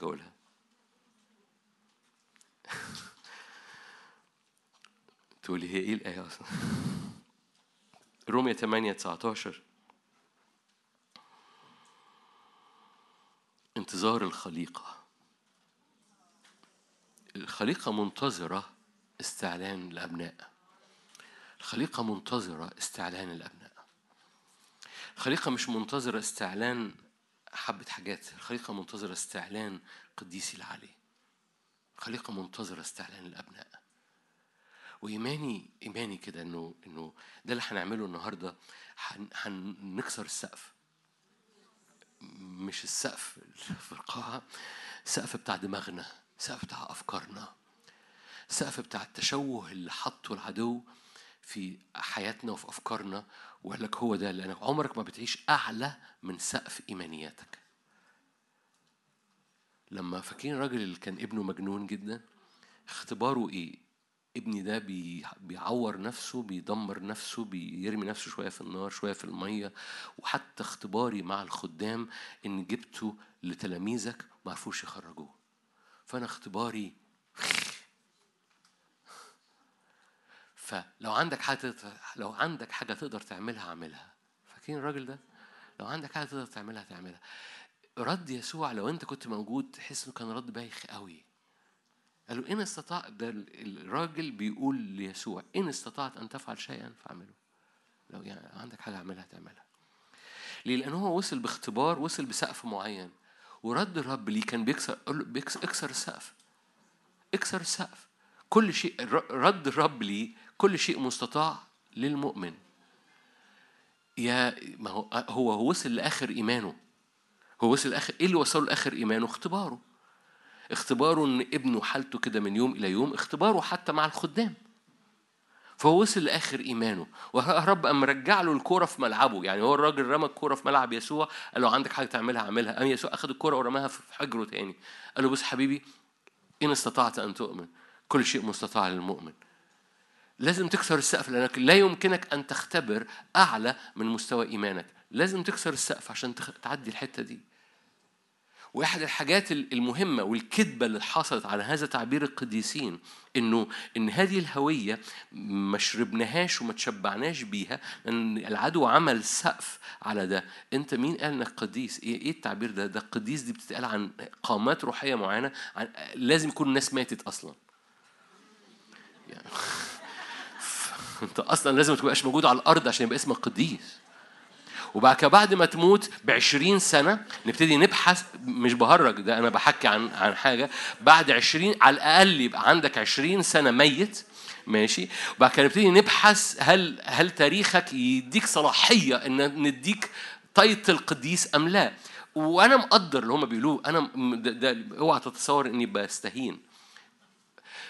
فلان ده ده ده التاريخ وده السوق بتاعنا فحط هذا التعبير كلمة قديس ده في حتة تاني خالص نطرها خالص. والرب يسوع في الكتاب المقدس بالروح القدس سوري الرب يسوع بالروح القدس من خلال بولس أم كتب القديسين الذين في كورنثوس ودول زناة ودول بياخدوا بعض المحاكم ودول جسديين ودول ما بقالهمش 20 سنة ميتين. وبالتالي العدو سلب مننا حاجة وهذا السلب لازم نكسر السقف بتاعه. نكسر السقف بتاعه لأنه لا يمكنك أن تختبر أعلى من سقف إيمانك. لما ال- الأربع رجال اللي شايلين حاجة عجز شايلينها جايبينها قدام يسوع كان لازم يكسروا السقف عشان العجز يقوم. كان لازم ينقبوا السقف عشان العجز يقوم. كان لازم الرجل اللي ابنه تاريخه مع ابنه وتاريخه مع الخدام أفقدوا إيمانه لازم هذا الرجل ياخد عدم إيمانه ويقوم كاسر بيه السقف. أعن عدم إيماني. أؤمن في أعن عدم إيماني. أنا ما عنديش إيمان بس أنا ب- بحط بكسر سقف عدم الإيمان ده بإني ب- ب- باخد عدم ايمانه وبحطه قدامك. هو ده الرب الراجل عمله. الراجل كسر السقف نقب السقف. وحط عجزه قدام الرب. ده الأربعة عملوه. جابوا عجزهم نقبوا السقف وحطوه قدام الرب. الراجل عمل كده نقب السقف بتاع عدم إيمانه وحط عدم إيمانه قدام الرب. عدى السقف فاختبر المعجزة.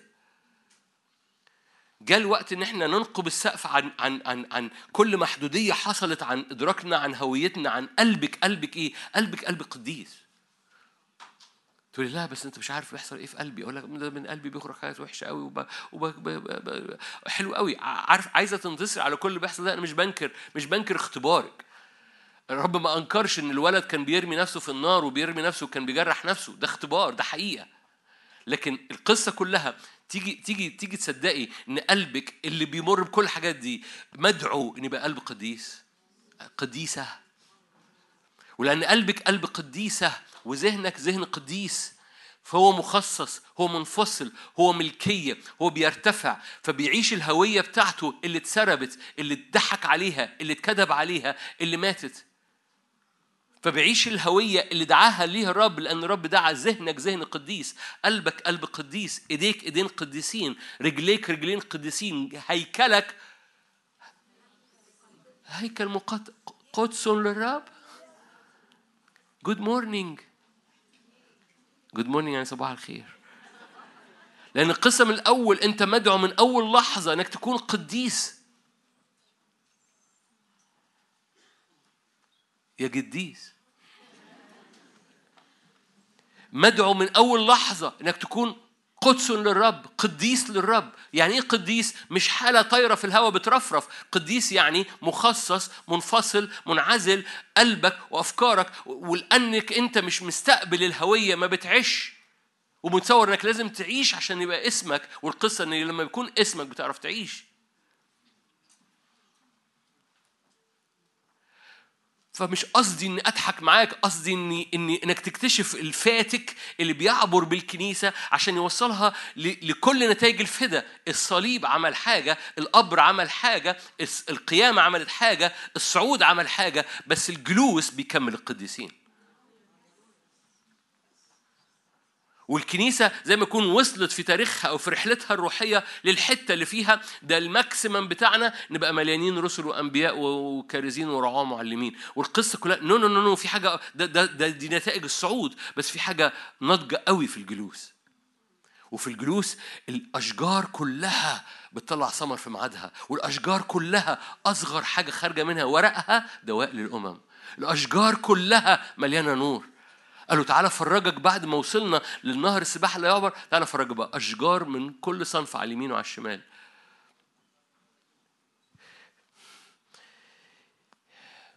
نفسي تحلم حلم الرب. حلم الرب إن كل كنيسته قديسين مليانين نور مليانين ثمر مليانين مجد مليانين تمييز. القصة مش ناس ماسكة مايكات. ووظائف وم- والوظائف دي بتنضج العروس وبتنضج الكنيسة وبتعمل فكل الكنيسة تسمع صوت الرب ده رائع. كل الكنيسة تتحرك في الدعوة بتاعتها رائع. ده حاجة جميلة جدا. الكنيسة كلها متحركة في دعوتها. الكنيسة كلها متحركة في سماع الصوت. الكنيسة كلها بتكرز. الكنيسة كلها حلو قوي. ال- ال- ال- الستيب بقى البوابة اللي وراها بقى اسمها القديس العالي. لأن أذكرك بالأربع نقط. مين غنى مجد الميراث بيعطى ليه؟ القديسين. مين الرب مهاب في مؤامرتهم؟ القديسين مين سيدينون العالم؟ مين المملكة تعطى ليهم؟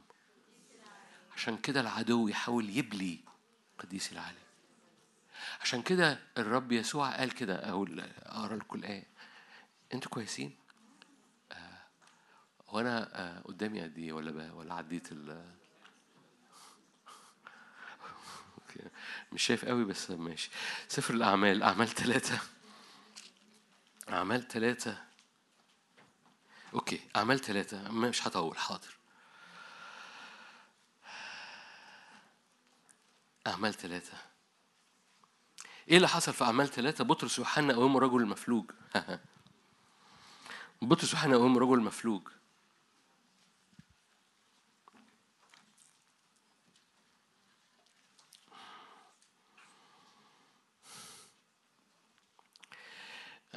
نفسي من نقول حبة حاجات في تاريخ الكنيسة. آية 17 الآن أيها الإخوة ده بطرس بيتكلم أنا أعلم أنكم بجهالة عملتم كما رؤساءكم أيضا. أما الله فما سبق وأنبأ به بأفواه جميع أنبيائه أن يتألم المسيح قد تممه هكذا. فتوبوا غيروا اتجاهكم. ارجعوا. لتمحى خطاياكم لكي تأتي أوقات الفرج. أوقات الفرج كلمة فرج للعربي يمكن أوقات انتعاش أوقات ندى. أوقات الندى. إن الرب يندي مرة تاني. أوقات الفرج. البعض بيستخدم ده عن أوقات النهضة. كي تأتي أوقات الفرج من وجه الرب. ويرسل ده في المجيء التاني يرسل يسوع المسيح المبشر به لكم قبل. الذي ينبغي أن السماء تقبله. يعني بيبقى متواجد في السماء لغاية لما تحصل في الأرض أزمنة معينة. أزمنة إيه؟ أزمنة رد كل شيء. أنا هختم.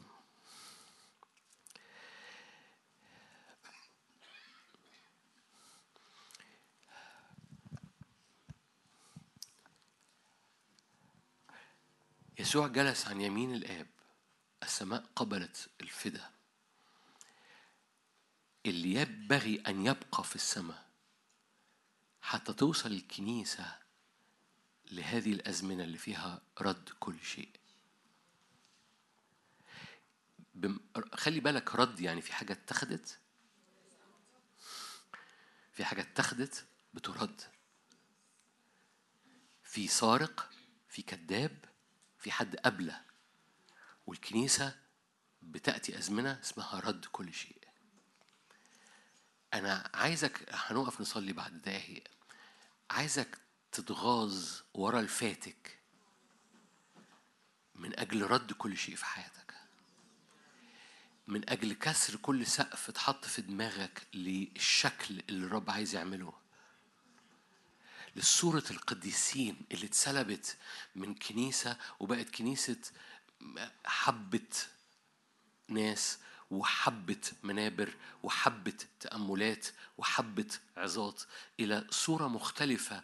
هح- بكرة هحكي معاك عن تأثير القديسين في الأرض لأن الخليقة منتظرة استعلان القديسين النهارده هنحكي هنستقبل مسحة للقديسين لكن بكرة هنحكي عن إن القديسين دول لهم تأثير في الأرض لما بيبقوا قديسين. بس خليني أرجع مرة تاني. في حاجة اسمها رد لأن في عدو سلب شوه الصورة ويسوع بيفضل أكمل العمل وجلس عشان ينتظر الكنيسة تنضج إلى هذه الصورة. الخليقة منتظرة إن الكنيسة توصل لرد كل كل كل شيء رد كل شيء. رد كل شيء ده ده ده بص ده مش بس آيات وعجائب رد كل شيء يعني رد كل شيء في هويتك رد إنسانيتك رد القيمة رد رد عوضا عن الصورة المشوهة رد ال- ال- القصة كلها بتحصل من من من الهوية لأن عمرك ما هتقدر تعيش أعلى من هويتك. عمرك ما هتعرف تعيش أعلى من هويتك.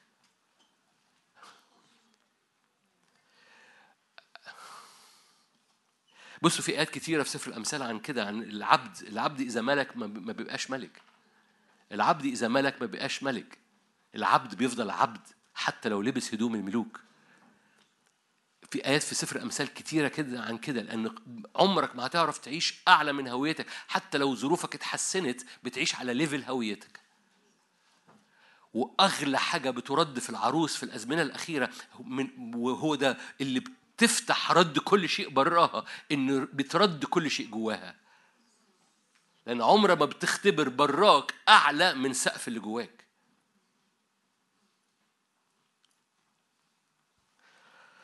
بدون خلفية في مثل شعبي في بلد معينة عمل مشاكل خلال الوقت اللي فات من غير ما من غير ما ندخل في تفاصيله.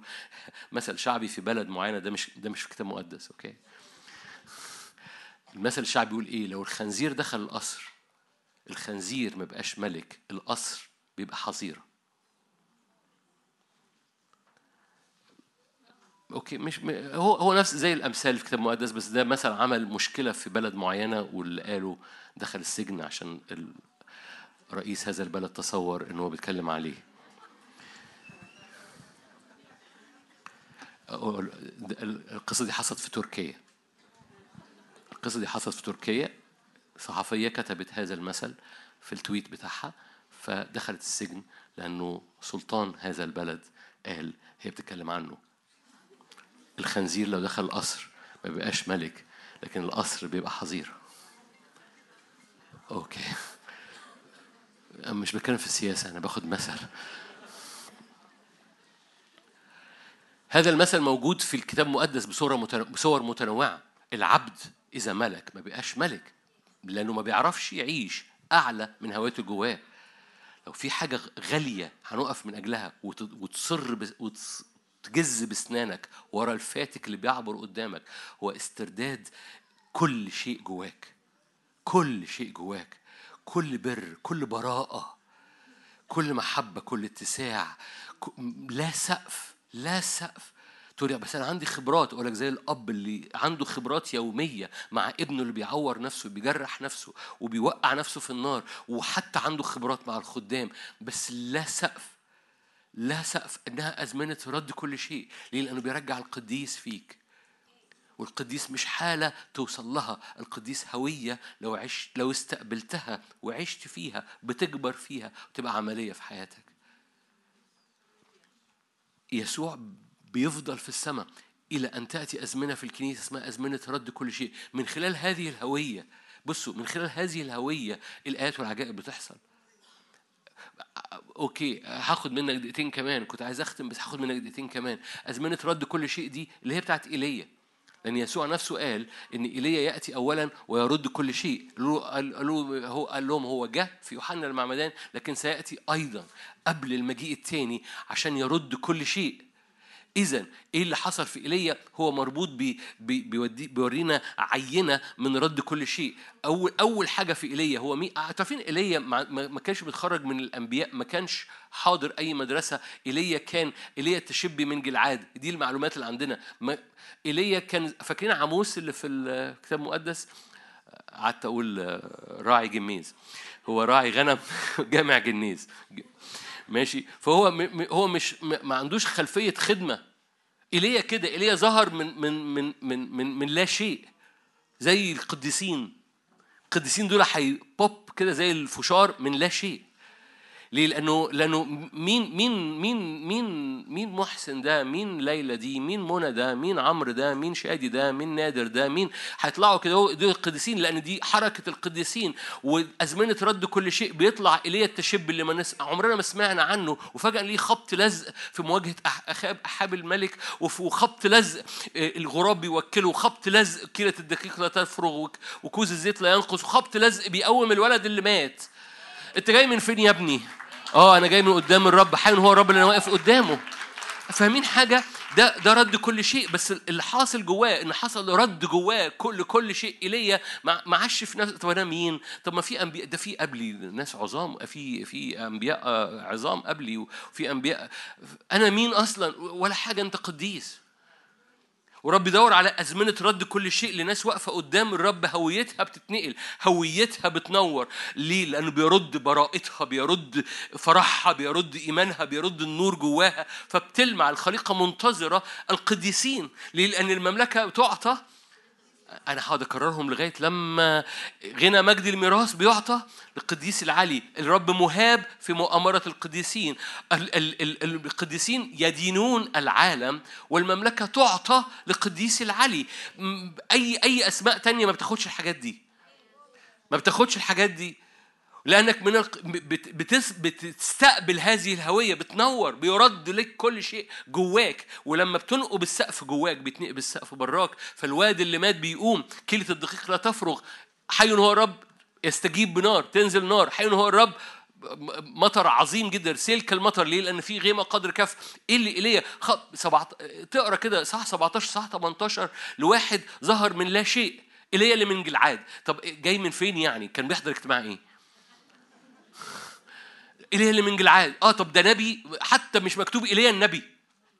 ارجع ورايا. مش مكتوب ايليا النبي. تقول لي لا ايليا نبي أنا عارف. آه آه أوكي. أنت عارف النهارده إنه نبي. بس هو لما ظهر ما كانش نبي. زي عموس. كان راعي غنم وجاني جميز. أنا أنا لا ليا ولا عليا أنا كنت راعي غنم وجامع جميز. الرب هو اللي جابني من من الغنم ومن الجميز وقال لي تنبأ. ايليا ما كانش نبي. ايليا ما كانش نبي. بقى نبي.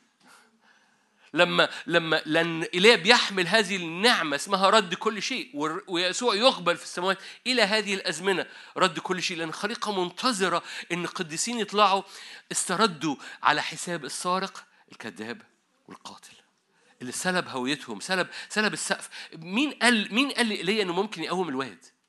مين قال لإيليا كوز الزيت لا يفرغ؟ مين قال لإيليا إن الغراب يوكله؟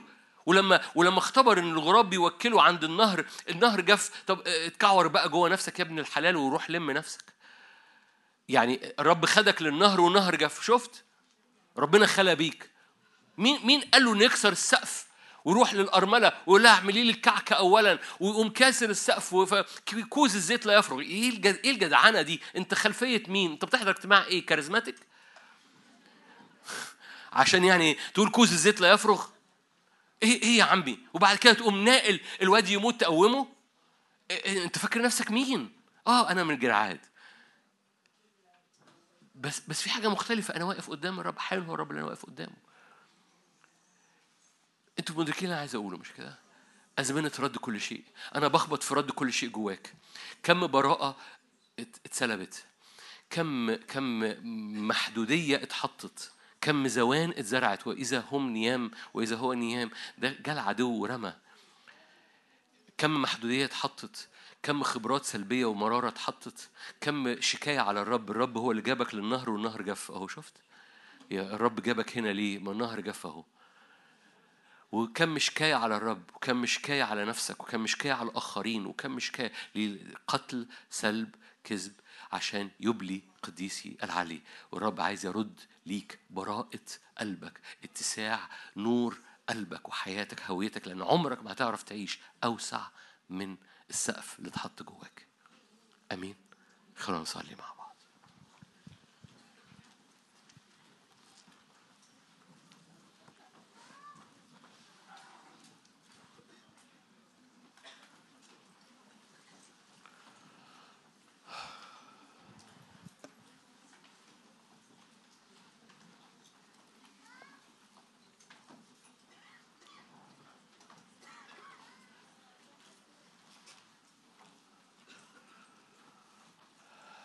أبويا السماوي جينا معا. اللي في القاعة واللي في البيت جينا معا. من أجل مش عشان نحضر مؤتمر ونعمل اجتماعات. جينا معا من أجل عبور في بوابة لينا كلنا ليا ولينا كلنا. عبور بوابة في الروح. عبور بوابة في الأزمنة. عبور بوابة من حالة إلى حالة من أرض إلى أرض. من أجواء إلى أجواء لأن الباب بيحمل النقلة. فيعبرون من الباب ويجتازون يقتحمون يعبرون ويجتازون منه. أبويا السماوي أنا بصدق أزمنة الاختبار الجماعي. أنا بصدق الاختبار الجماعي مش جغرافيا مش في القاعة هنا بس لكن كل من يستمع لينا في أي كان مكان. أنا أؤمن بأزمنة اختبار جماعي لعروستك. أؤمن بالأواني المستطرقة. أؤمن باللي هتسكبه هنا بيوصل لآخرين. أؤمن أبويا السماوي إنك بتنقل عروستك بمجد. أؤمن إن جاء الزمن ننفض تراب ونكسر سقف. جاء الزمن بتاخدنا من الاستهلاك إلى التأثير. من الانحصار في أنفسنا. جاء زمن بنتنقل من إن إحنا بن بننحصر في أنفسنا بدل ما ننحصر في حضورك وننسى أنفسنا. يا زمن بنتنقل من هذه البوابة اللي مليانة مرارة مليانة شكاية من مليانة خبرات سلبية عاملة محدودية جوانا. بنعبر من باب إلى نور لا ظلم فيه البتة. ز- نور مفهوش أسماء. غير قديسين قديسين قديسين قديسين قديسين قديسين قديسين قديسين. نور مفهوش ضلمة البتة جوانا. بنعمر بوابة من من من من أدمغة مليانة أفكار ودوشة دوشة دوشة دوشة. هللويا. بنعبر بوابة من كل ظلال سودة. هوية مشوهة هوية مشوهة. إنسانية مشوهة. فقدان الأرض تحت رجلينا مش عارفين نعمل إيه. بنعبر من هذه البوابة على حساب يسوع. اللي عبر أمامنا الفاتك. ارفع إيدك أو مد إيدك قول له أنت عابر أمامي. أنت بتاخدني من إيديا من المرحلة اللي فاتت لمرحله جاية. أنت بتاخدني من إيديا من ظلال سودة من من رفائيين من أخيلة سوداء من كل خيالات سوداء من كل ظلال محملة قلبي وعاملة محدودية لعينيا ورؤيتي. انت بتمد إيدك وتقول لي مد إيدك يا نادر تعالى امشي ورايا تعالى أعديك الحتة دي أعديك العتبة دي. أنا بعديك عتبة أعلى أنا برفعك لعتبة أعلى. ليه؟ لأن كلمة قديس يعني مرتفع يعني مخصص يعني بيتنقل لحتة أعلى. فت اديني إيدك يا نادر أنا هديك العتبة دي مش هتعرف تعديها لوحدك بس مد إيدك مد إيدك للرب لأن الرب عايز يعديك عتبة عالية. الرب عايز يعدي إنسانيتك وعايز يعدي قلبك ويعدي بشريتك ويعدي البراءة اللي جواك لعتبة عالية. عتبة فيها النور مختلف عتبة فيها الرداء اللي على حياتك مختلف عتبة فيها لا سقف السقف اللي اتحط على أفكارنا المحدوديه اللي اتحطت على إمكانية اليوم وإمكانية التأثير. وتأثير عينيك وتأثير أفكارك وتأثير لمستك وتأثير محبتك يتغير ليه؟ لأنه رب يعديك عتبة عملت محدودية. باسم الرب يسوع. فبنديك إيدينا يا رب بنديك إيدينا. نقول لك قود. اعبر بينا اعبر بينا اليومين دول اعبر بينا الآن. إحنا بنكسر السقف بننقب السقف. أنا برفض الب- البورد برفض المحدودية برفض الحد اللي زرعه العدو. وأنا نايم صلي معايا من فضلك ما تسمعنيش بس بصلي. أنا مش أنا ممكن أصلي الصلوة دي في البيت بس أنا مؤمن إن في اختبار جماعي فبصليها معاك وأنت صليها معايا. اتحد بصوتك معايا. قول أنا بكسر السقف اللي زرعه العدو وأنا نايم. بكسر الزوان اللي زرعها العدو والمحدودية اللي زرعها السارق القتال الكذاب جوايا. وأنا نايم وأنا نايم زرع العدو زوان. أنا بكسر هذا السقف باسم الرب يسوع. ليه؟ لأني بؤمن برد كل شيء، أؤمن برد التاريخ الروحي بتاعي، أؤمن برد التوقيتات الروحية بتاعتي، أؤمن إني أؤمن برد البراءة ورد ال- الروح ورد الفرح ورد النور ورد ال... ورد السنارة ورد الإعلان ورد ال... رد البهاء الداخلي باسم الرب يسوع. هللويا أي ظلال جوايا إلى الخارج. أي ظلال جوايا إلى الخارج مش مكانك. الكذاب والقاتل والسارق أنا بدوسك أنا بعبر. أنا بحط إيدي في إيد يسوع. بحط إيدي في إيد يسوع. تعالى مد إيدك يا رب أنت مادد إيدك لينا. وتقول لكل واحد أو واحد هنا اديني إيدك. اديله إيدك اديله إيدك. قول له ها ها إيدي اهي عبرني العتبة دي. عبرني العتبة دي. أنا بعبر في المية. عبرني في المية. أنا بعبر في المية. باسم الرب يسوع. هللويا. ألف ذراع عبرني. ألف ذراع عبرنا. لغاية لما نوصل لحتة النضجة النضجة النضجة النضجة النضجة. تكميل القديسين. هللويا.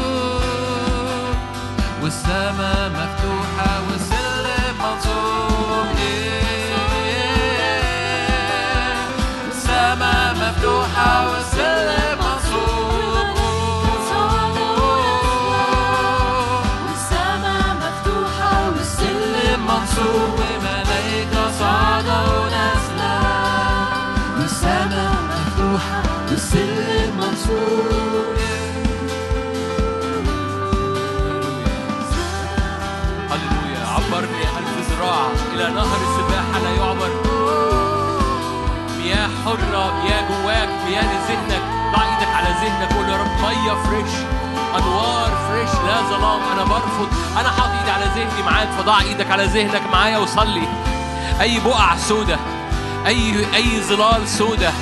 أي ضباب أي ضباب على الرؤية. باسم رب يسوع. أي ظلال أي أخيلة سوداء. أخيلة موت أخيلة سلب أخيلة شكاية أخيلة قديمة. باسم الرب يسوع. أي ظلال رد كل شيء. أنوار أنوار. تنبأ معي أنوار. تنبأ معي أنوار. تنبأ معي حصون تقع. حصون وراها الظلال أسوار وراها الظلال خبرات وراها الظلال أوجاع ومرارة وراها ظلال ضع إيدك على ذهنك ولتسقط الظلال. تنهزم الأخيلة باسم الرب يسوع. تهرب الظلال باسم الرب يسوع. باسم الرب ينحني يسقط كل السور. مستأثرين كل فكر إلى طاعة المسيح باسم الرب يسوع. لا سقف لا محدودية رد كل شيء. رد أنوار رد براءة رد نعمة. لا محدودية لا سقف. صلي معايا. كمل إيدك على ذهنك. ما تخجلش ما تخجلش. حطها مظبوط على ذهنك. ما تبقاش شيك قوي. حطها على ذهنك. وقول يا رب كل حاجة كل بقعة سودة. كل بقعة سودة. باسم كل محدودية كل سقف. نقبل السقف. باسم الرب يسوع. باسم الرب. وقع كل وقع كل كذب. وقع كل كذب. وقع كل شكاية. وقع كل مقارنة. وقع كل مرارة. وقع كل خبرات سودة سلبية ليه مش هتحصل حاجة؟ وقع باسم الرب يسوع. كل شيء مستطاع للمؤمن. أنا بنقب السقف رد كل شيء باسم الرب يسوع. رد القديسين للنور. رد أذهان القديسين للنور. رد براءة القديسين وأذهان القديسين في النور باسم الرب يسوع. رجع البراءة رجع النور رجع لا محدودية لا محدودية. باسم الرب يسوع. هي دوسي يا نفسي بعز على الكذاب. دوسي بإيمان.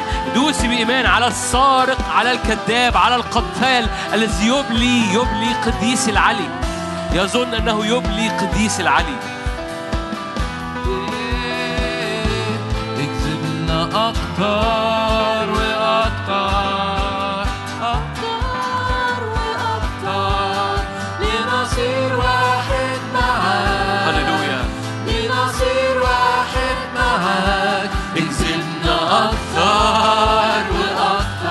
عبرنا أكتر. أكتر وأكتر عبرنا أكتر. لنصير واحد معاك.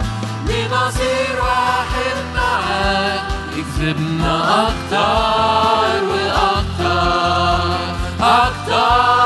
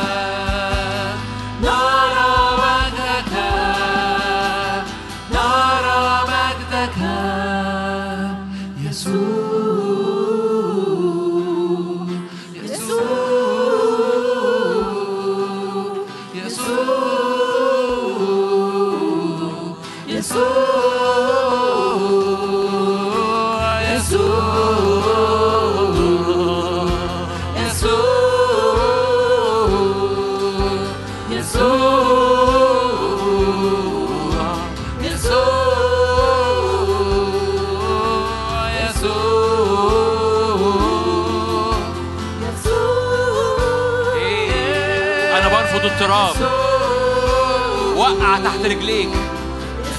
وانت بتعلن يسوع وانت بتردد يسوع. قشر من على عليك. القشرة القديمة المحدودية القديمة قشرها من عليك. قول أنا بخلع الثياب القديمة. انزعوا عنه الثياب القديمة. انزعوا عنه الثياب القديمة. هللويا. لبسوه عمامة. مكتوب عليها قدس للرب. انزعوا عنه الثياب القديمة. انزعوا عن الثياب اللي بقالها كتير ملبوسة. هي هي. الرداء اللي قدم عليه.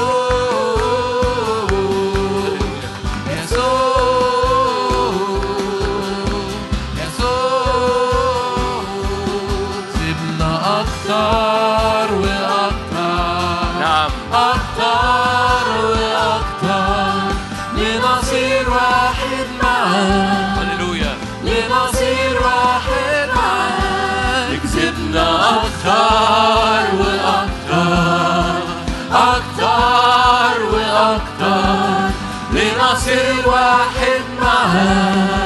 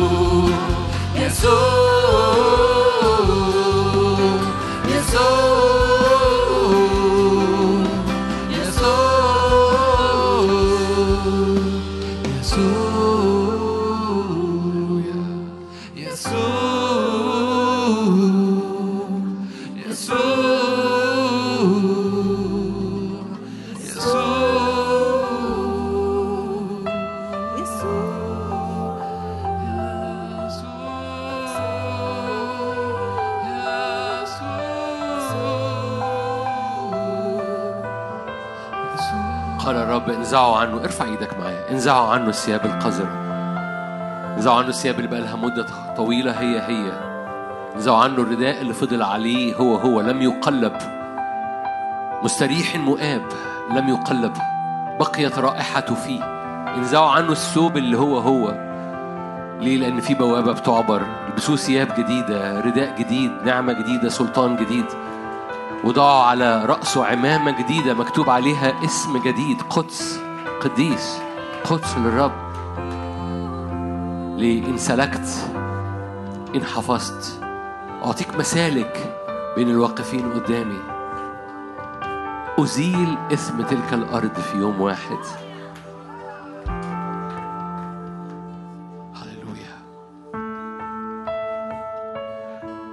المشهد اللي جوايا مشهد شايفه بعينيا مش, مش هو هو الرب العمود نار معدي وبيدور على كل إيدين ممدودة هنا.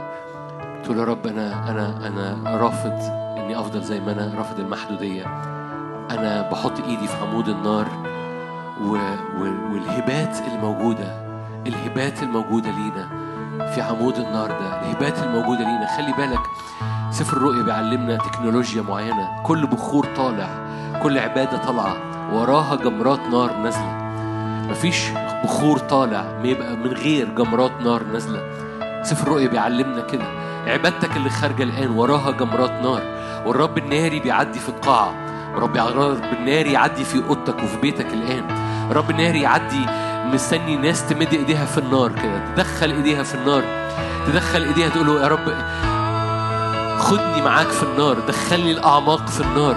انقلني لله محدودية. انقلني انقل انقل. انظر إن كان فيا طريقا أو أفكارا أو ظلاما. اتزرع وأنا نايم. زرعه العدو وأنا نايم. انظر إن كان فيا. اهدني طريقا أمشي معاك فيه. اهدني طريقا أمشي معاك فيه والطريق ده أبدي والطريق ده مليان بهجة مليان بهاء مليان. انظر إن كان فيا سواد انظر إن كان فيا محدودية أو أو أو مقارنة أو أو أو ظلال سوداء أو حاجات زرعها العدو من عيافة ومن عرافة.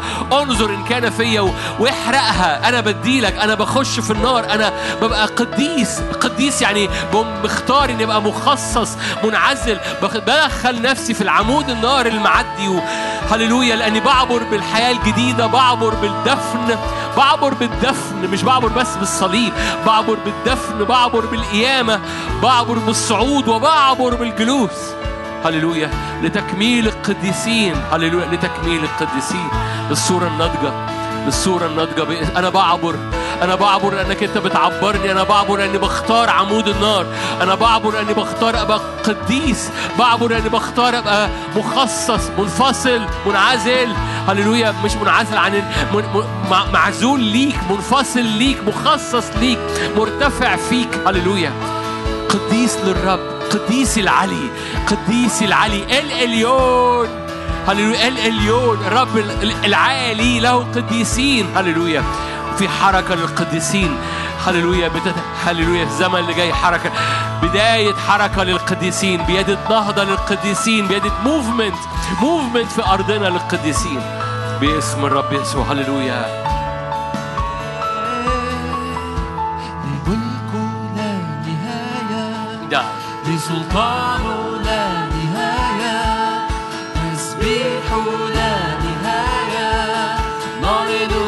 يسوع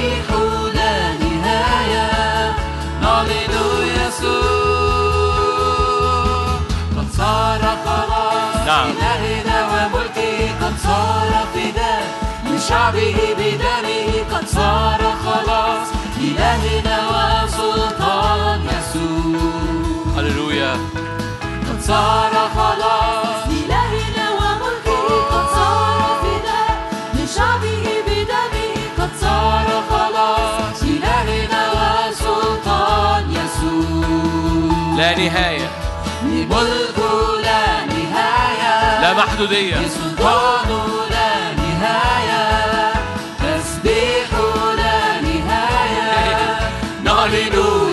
ارفع إيدك. لا نهاية اكسر النهاية اللي بتتحط قدامك.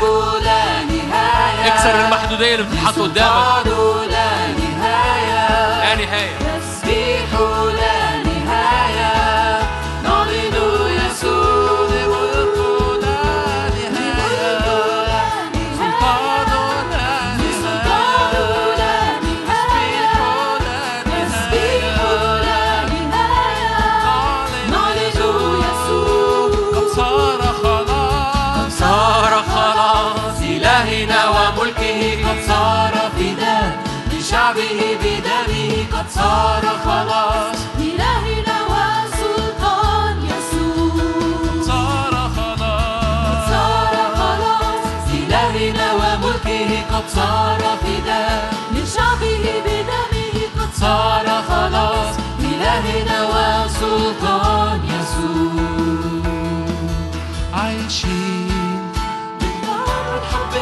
اسمك عايشين. نعم أؤمن بنهضة أحرار كسرت كل قيد أحرار. أؤمن بنهضة عايشين بالنار والحب لاسمك عايشين. أحرار كسرت كل قيد أحرار. إلهنا. إلهنا ملكه إلهنا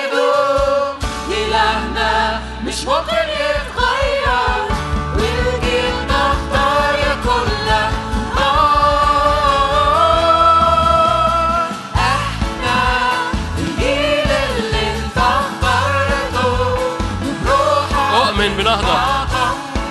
نهضة القديسين. عشان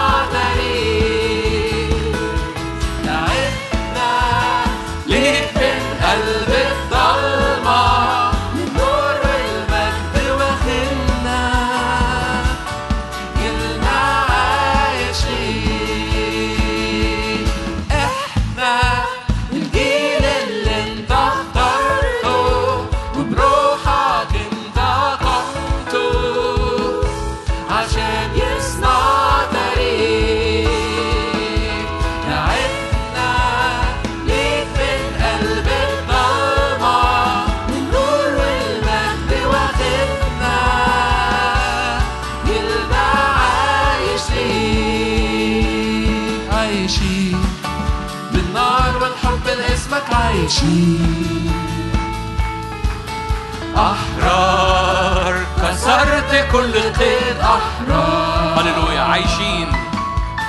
عايشين. بالنار والحب لاسمك عايشين.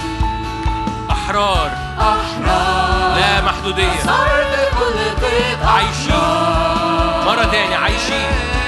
عايشين. فكر في الكلام. بالنار والحب لاسمك عايشين. أحرار. أحرار. كسرت كل قيد أحرار إلهنا ملكه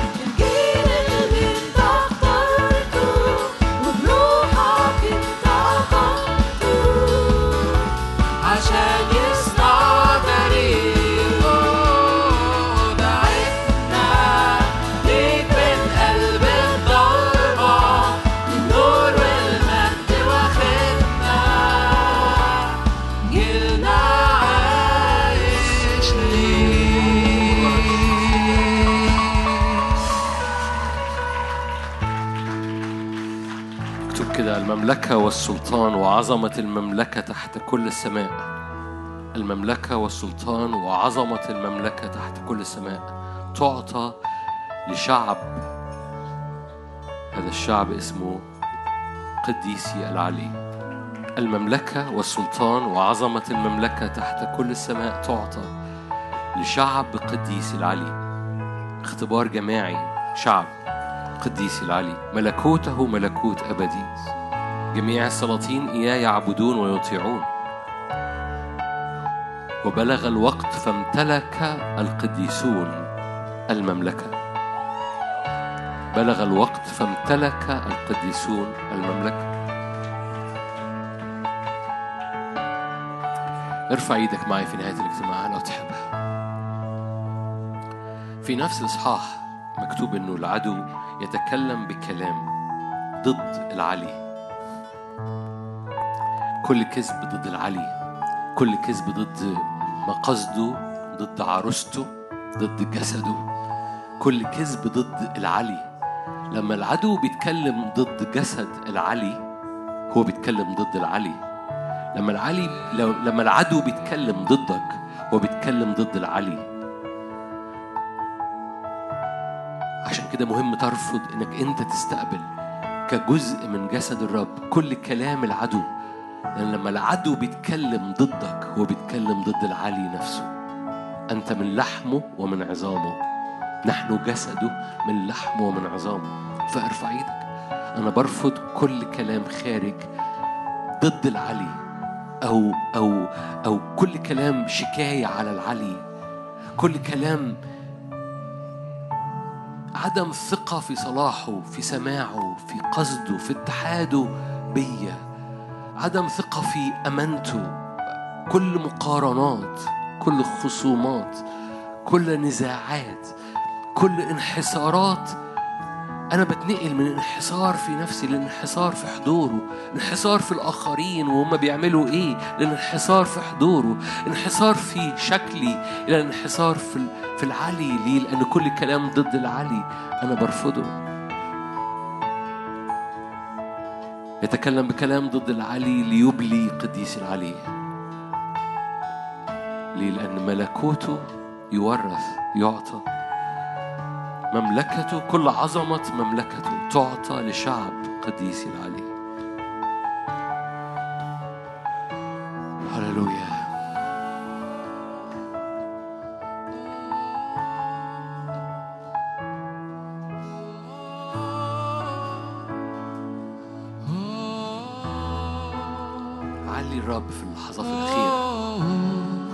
ارفعه استقبل نار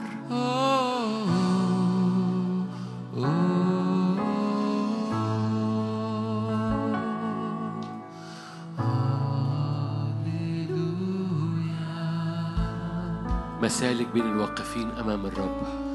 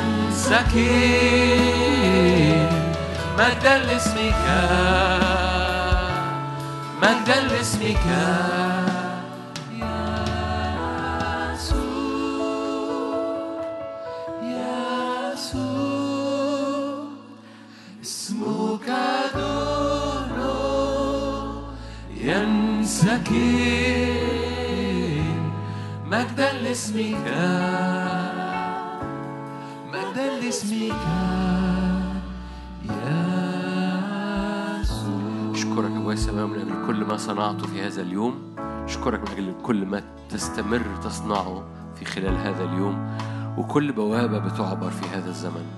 يا رب بننقل الحجر بنقول إلى هنا نصرنا الرب.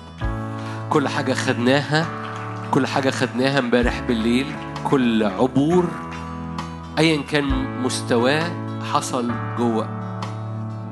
كلنا بننقل الحجر بقول إلى هنا نصرنا الرب. إلى هنا نصرنا الرب. باسم يسوع. بنختم بنثبت ما صنعته فينا بدم الحمل بختم الروح القدس بصخرة يسوع. إلى هنا اعلن معايا إلى هنا نصرنا الرب. إلى هنا أنا كل خطوات خدتها كل صلوات أخدتها كل أراضي خدتها في ذهني أو في قلبي أنا بأعلن اعلني إلى هنا نصرني الرب. كل صلوة صليتها عملت نقلة جوايا فتحت حتة صغيرة جوايا إلى هنا نصرني الرب. أنا متوقع ربنا ينقل أكتر وأكتر وأكتر وأكتر بس أنا باخد اللي أنا خدته دلوقتي باخد اللي أنا خدته دلوقتي بقول إلى هنا نصرني الرب وبختم عليه.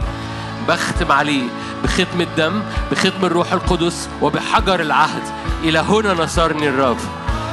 كل كل حتة اتفتحت صغيرة جوايا. إلى هنا نصرني الرب. أنا. بعملها سكيور أنا بأمنها. أنا بأمنها. إلى هنا نصرني الرب. في اسم الرب يسوع. في اسم الرب يسوع.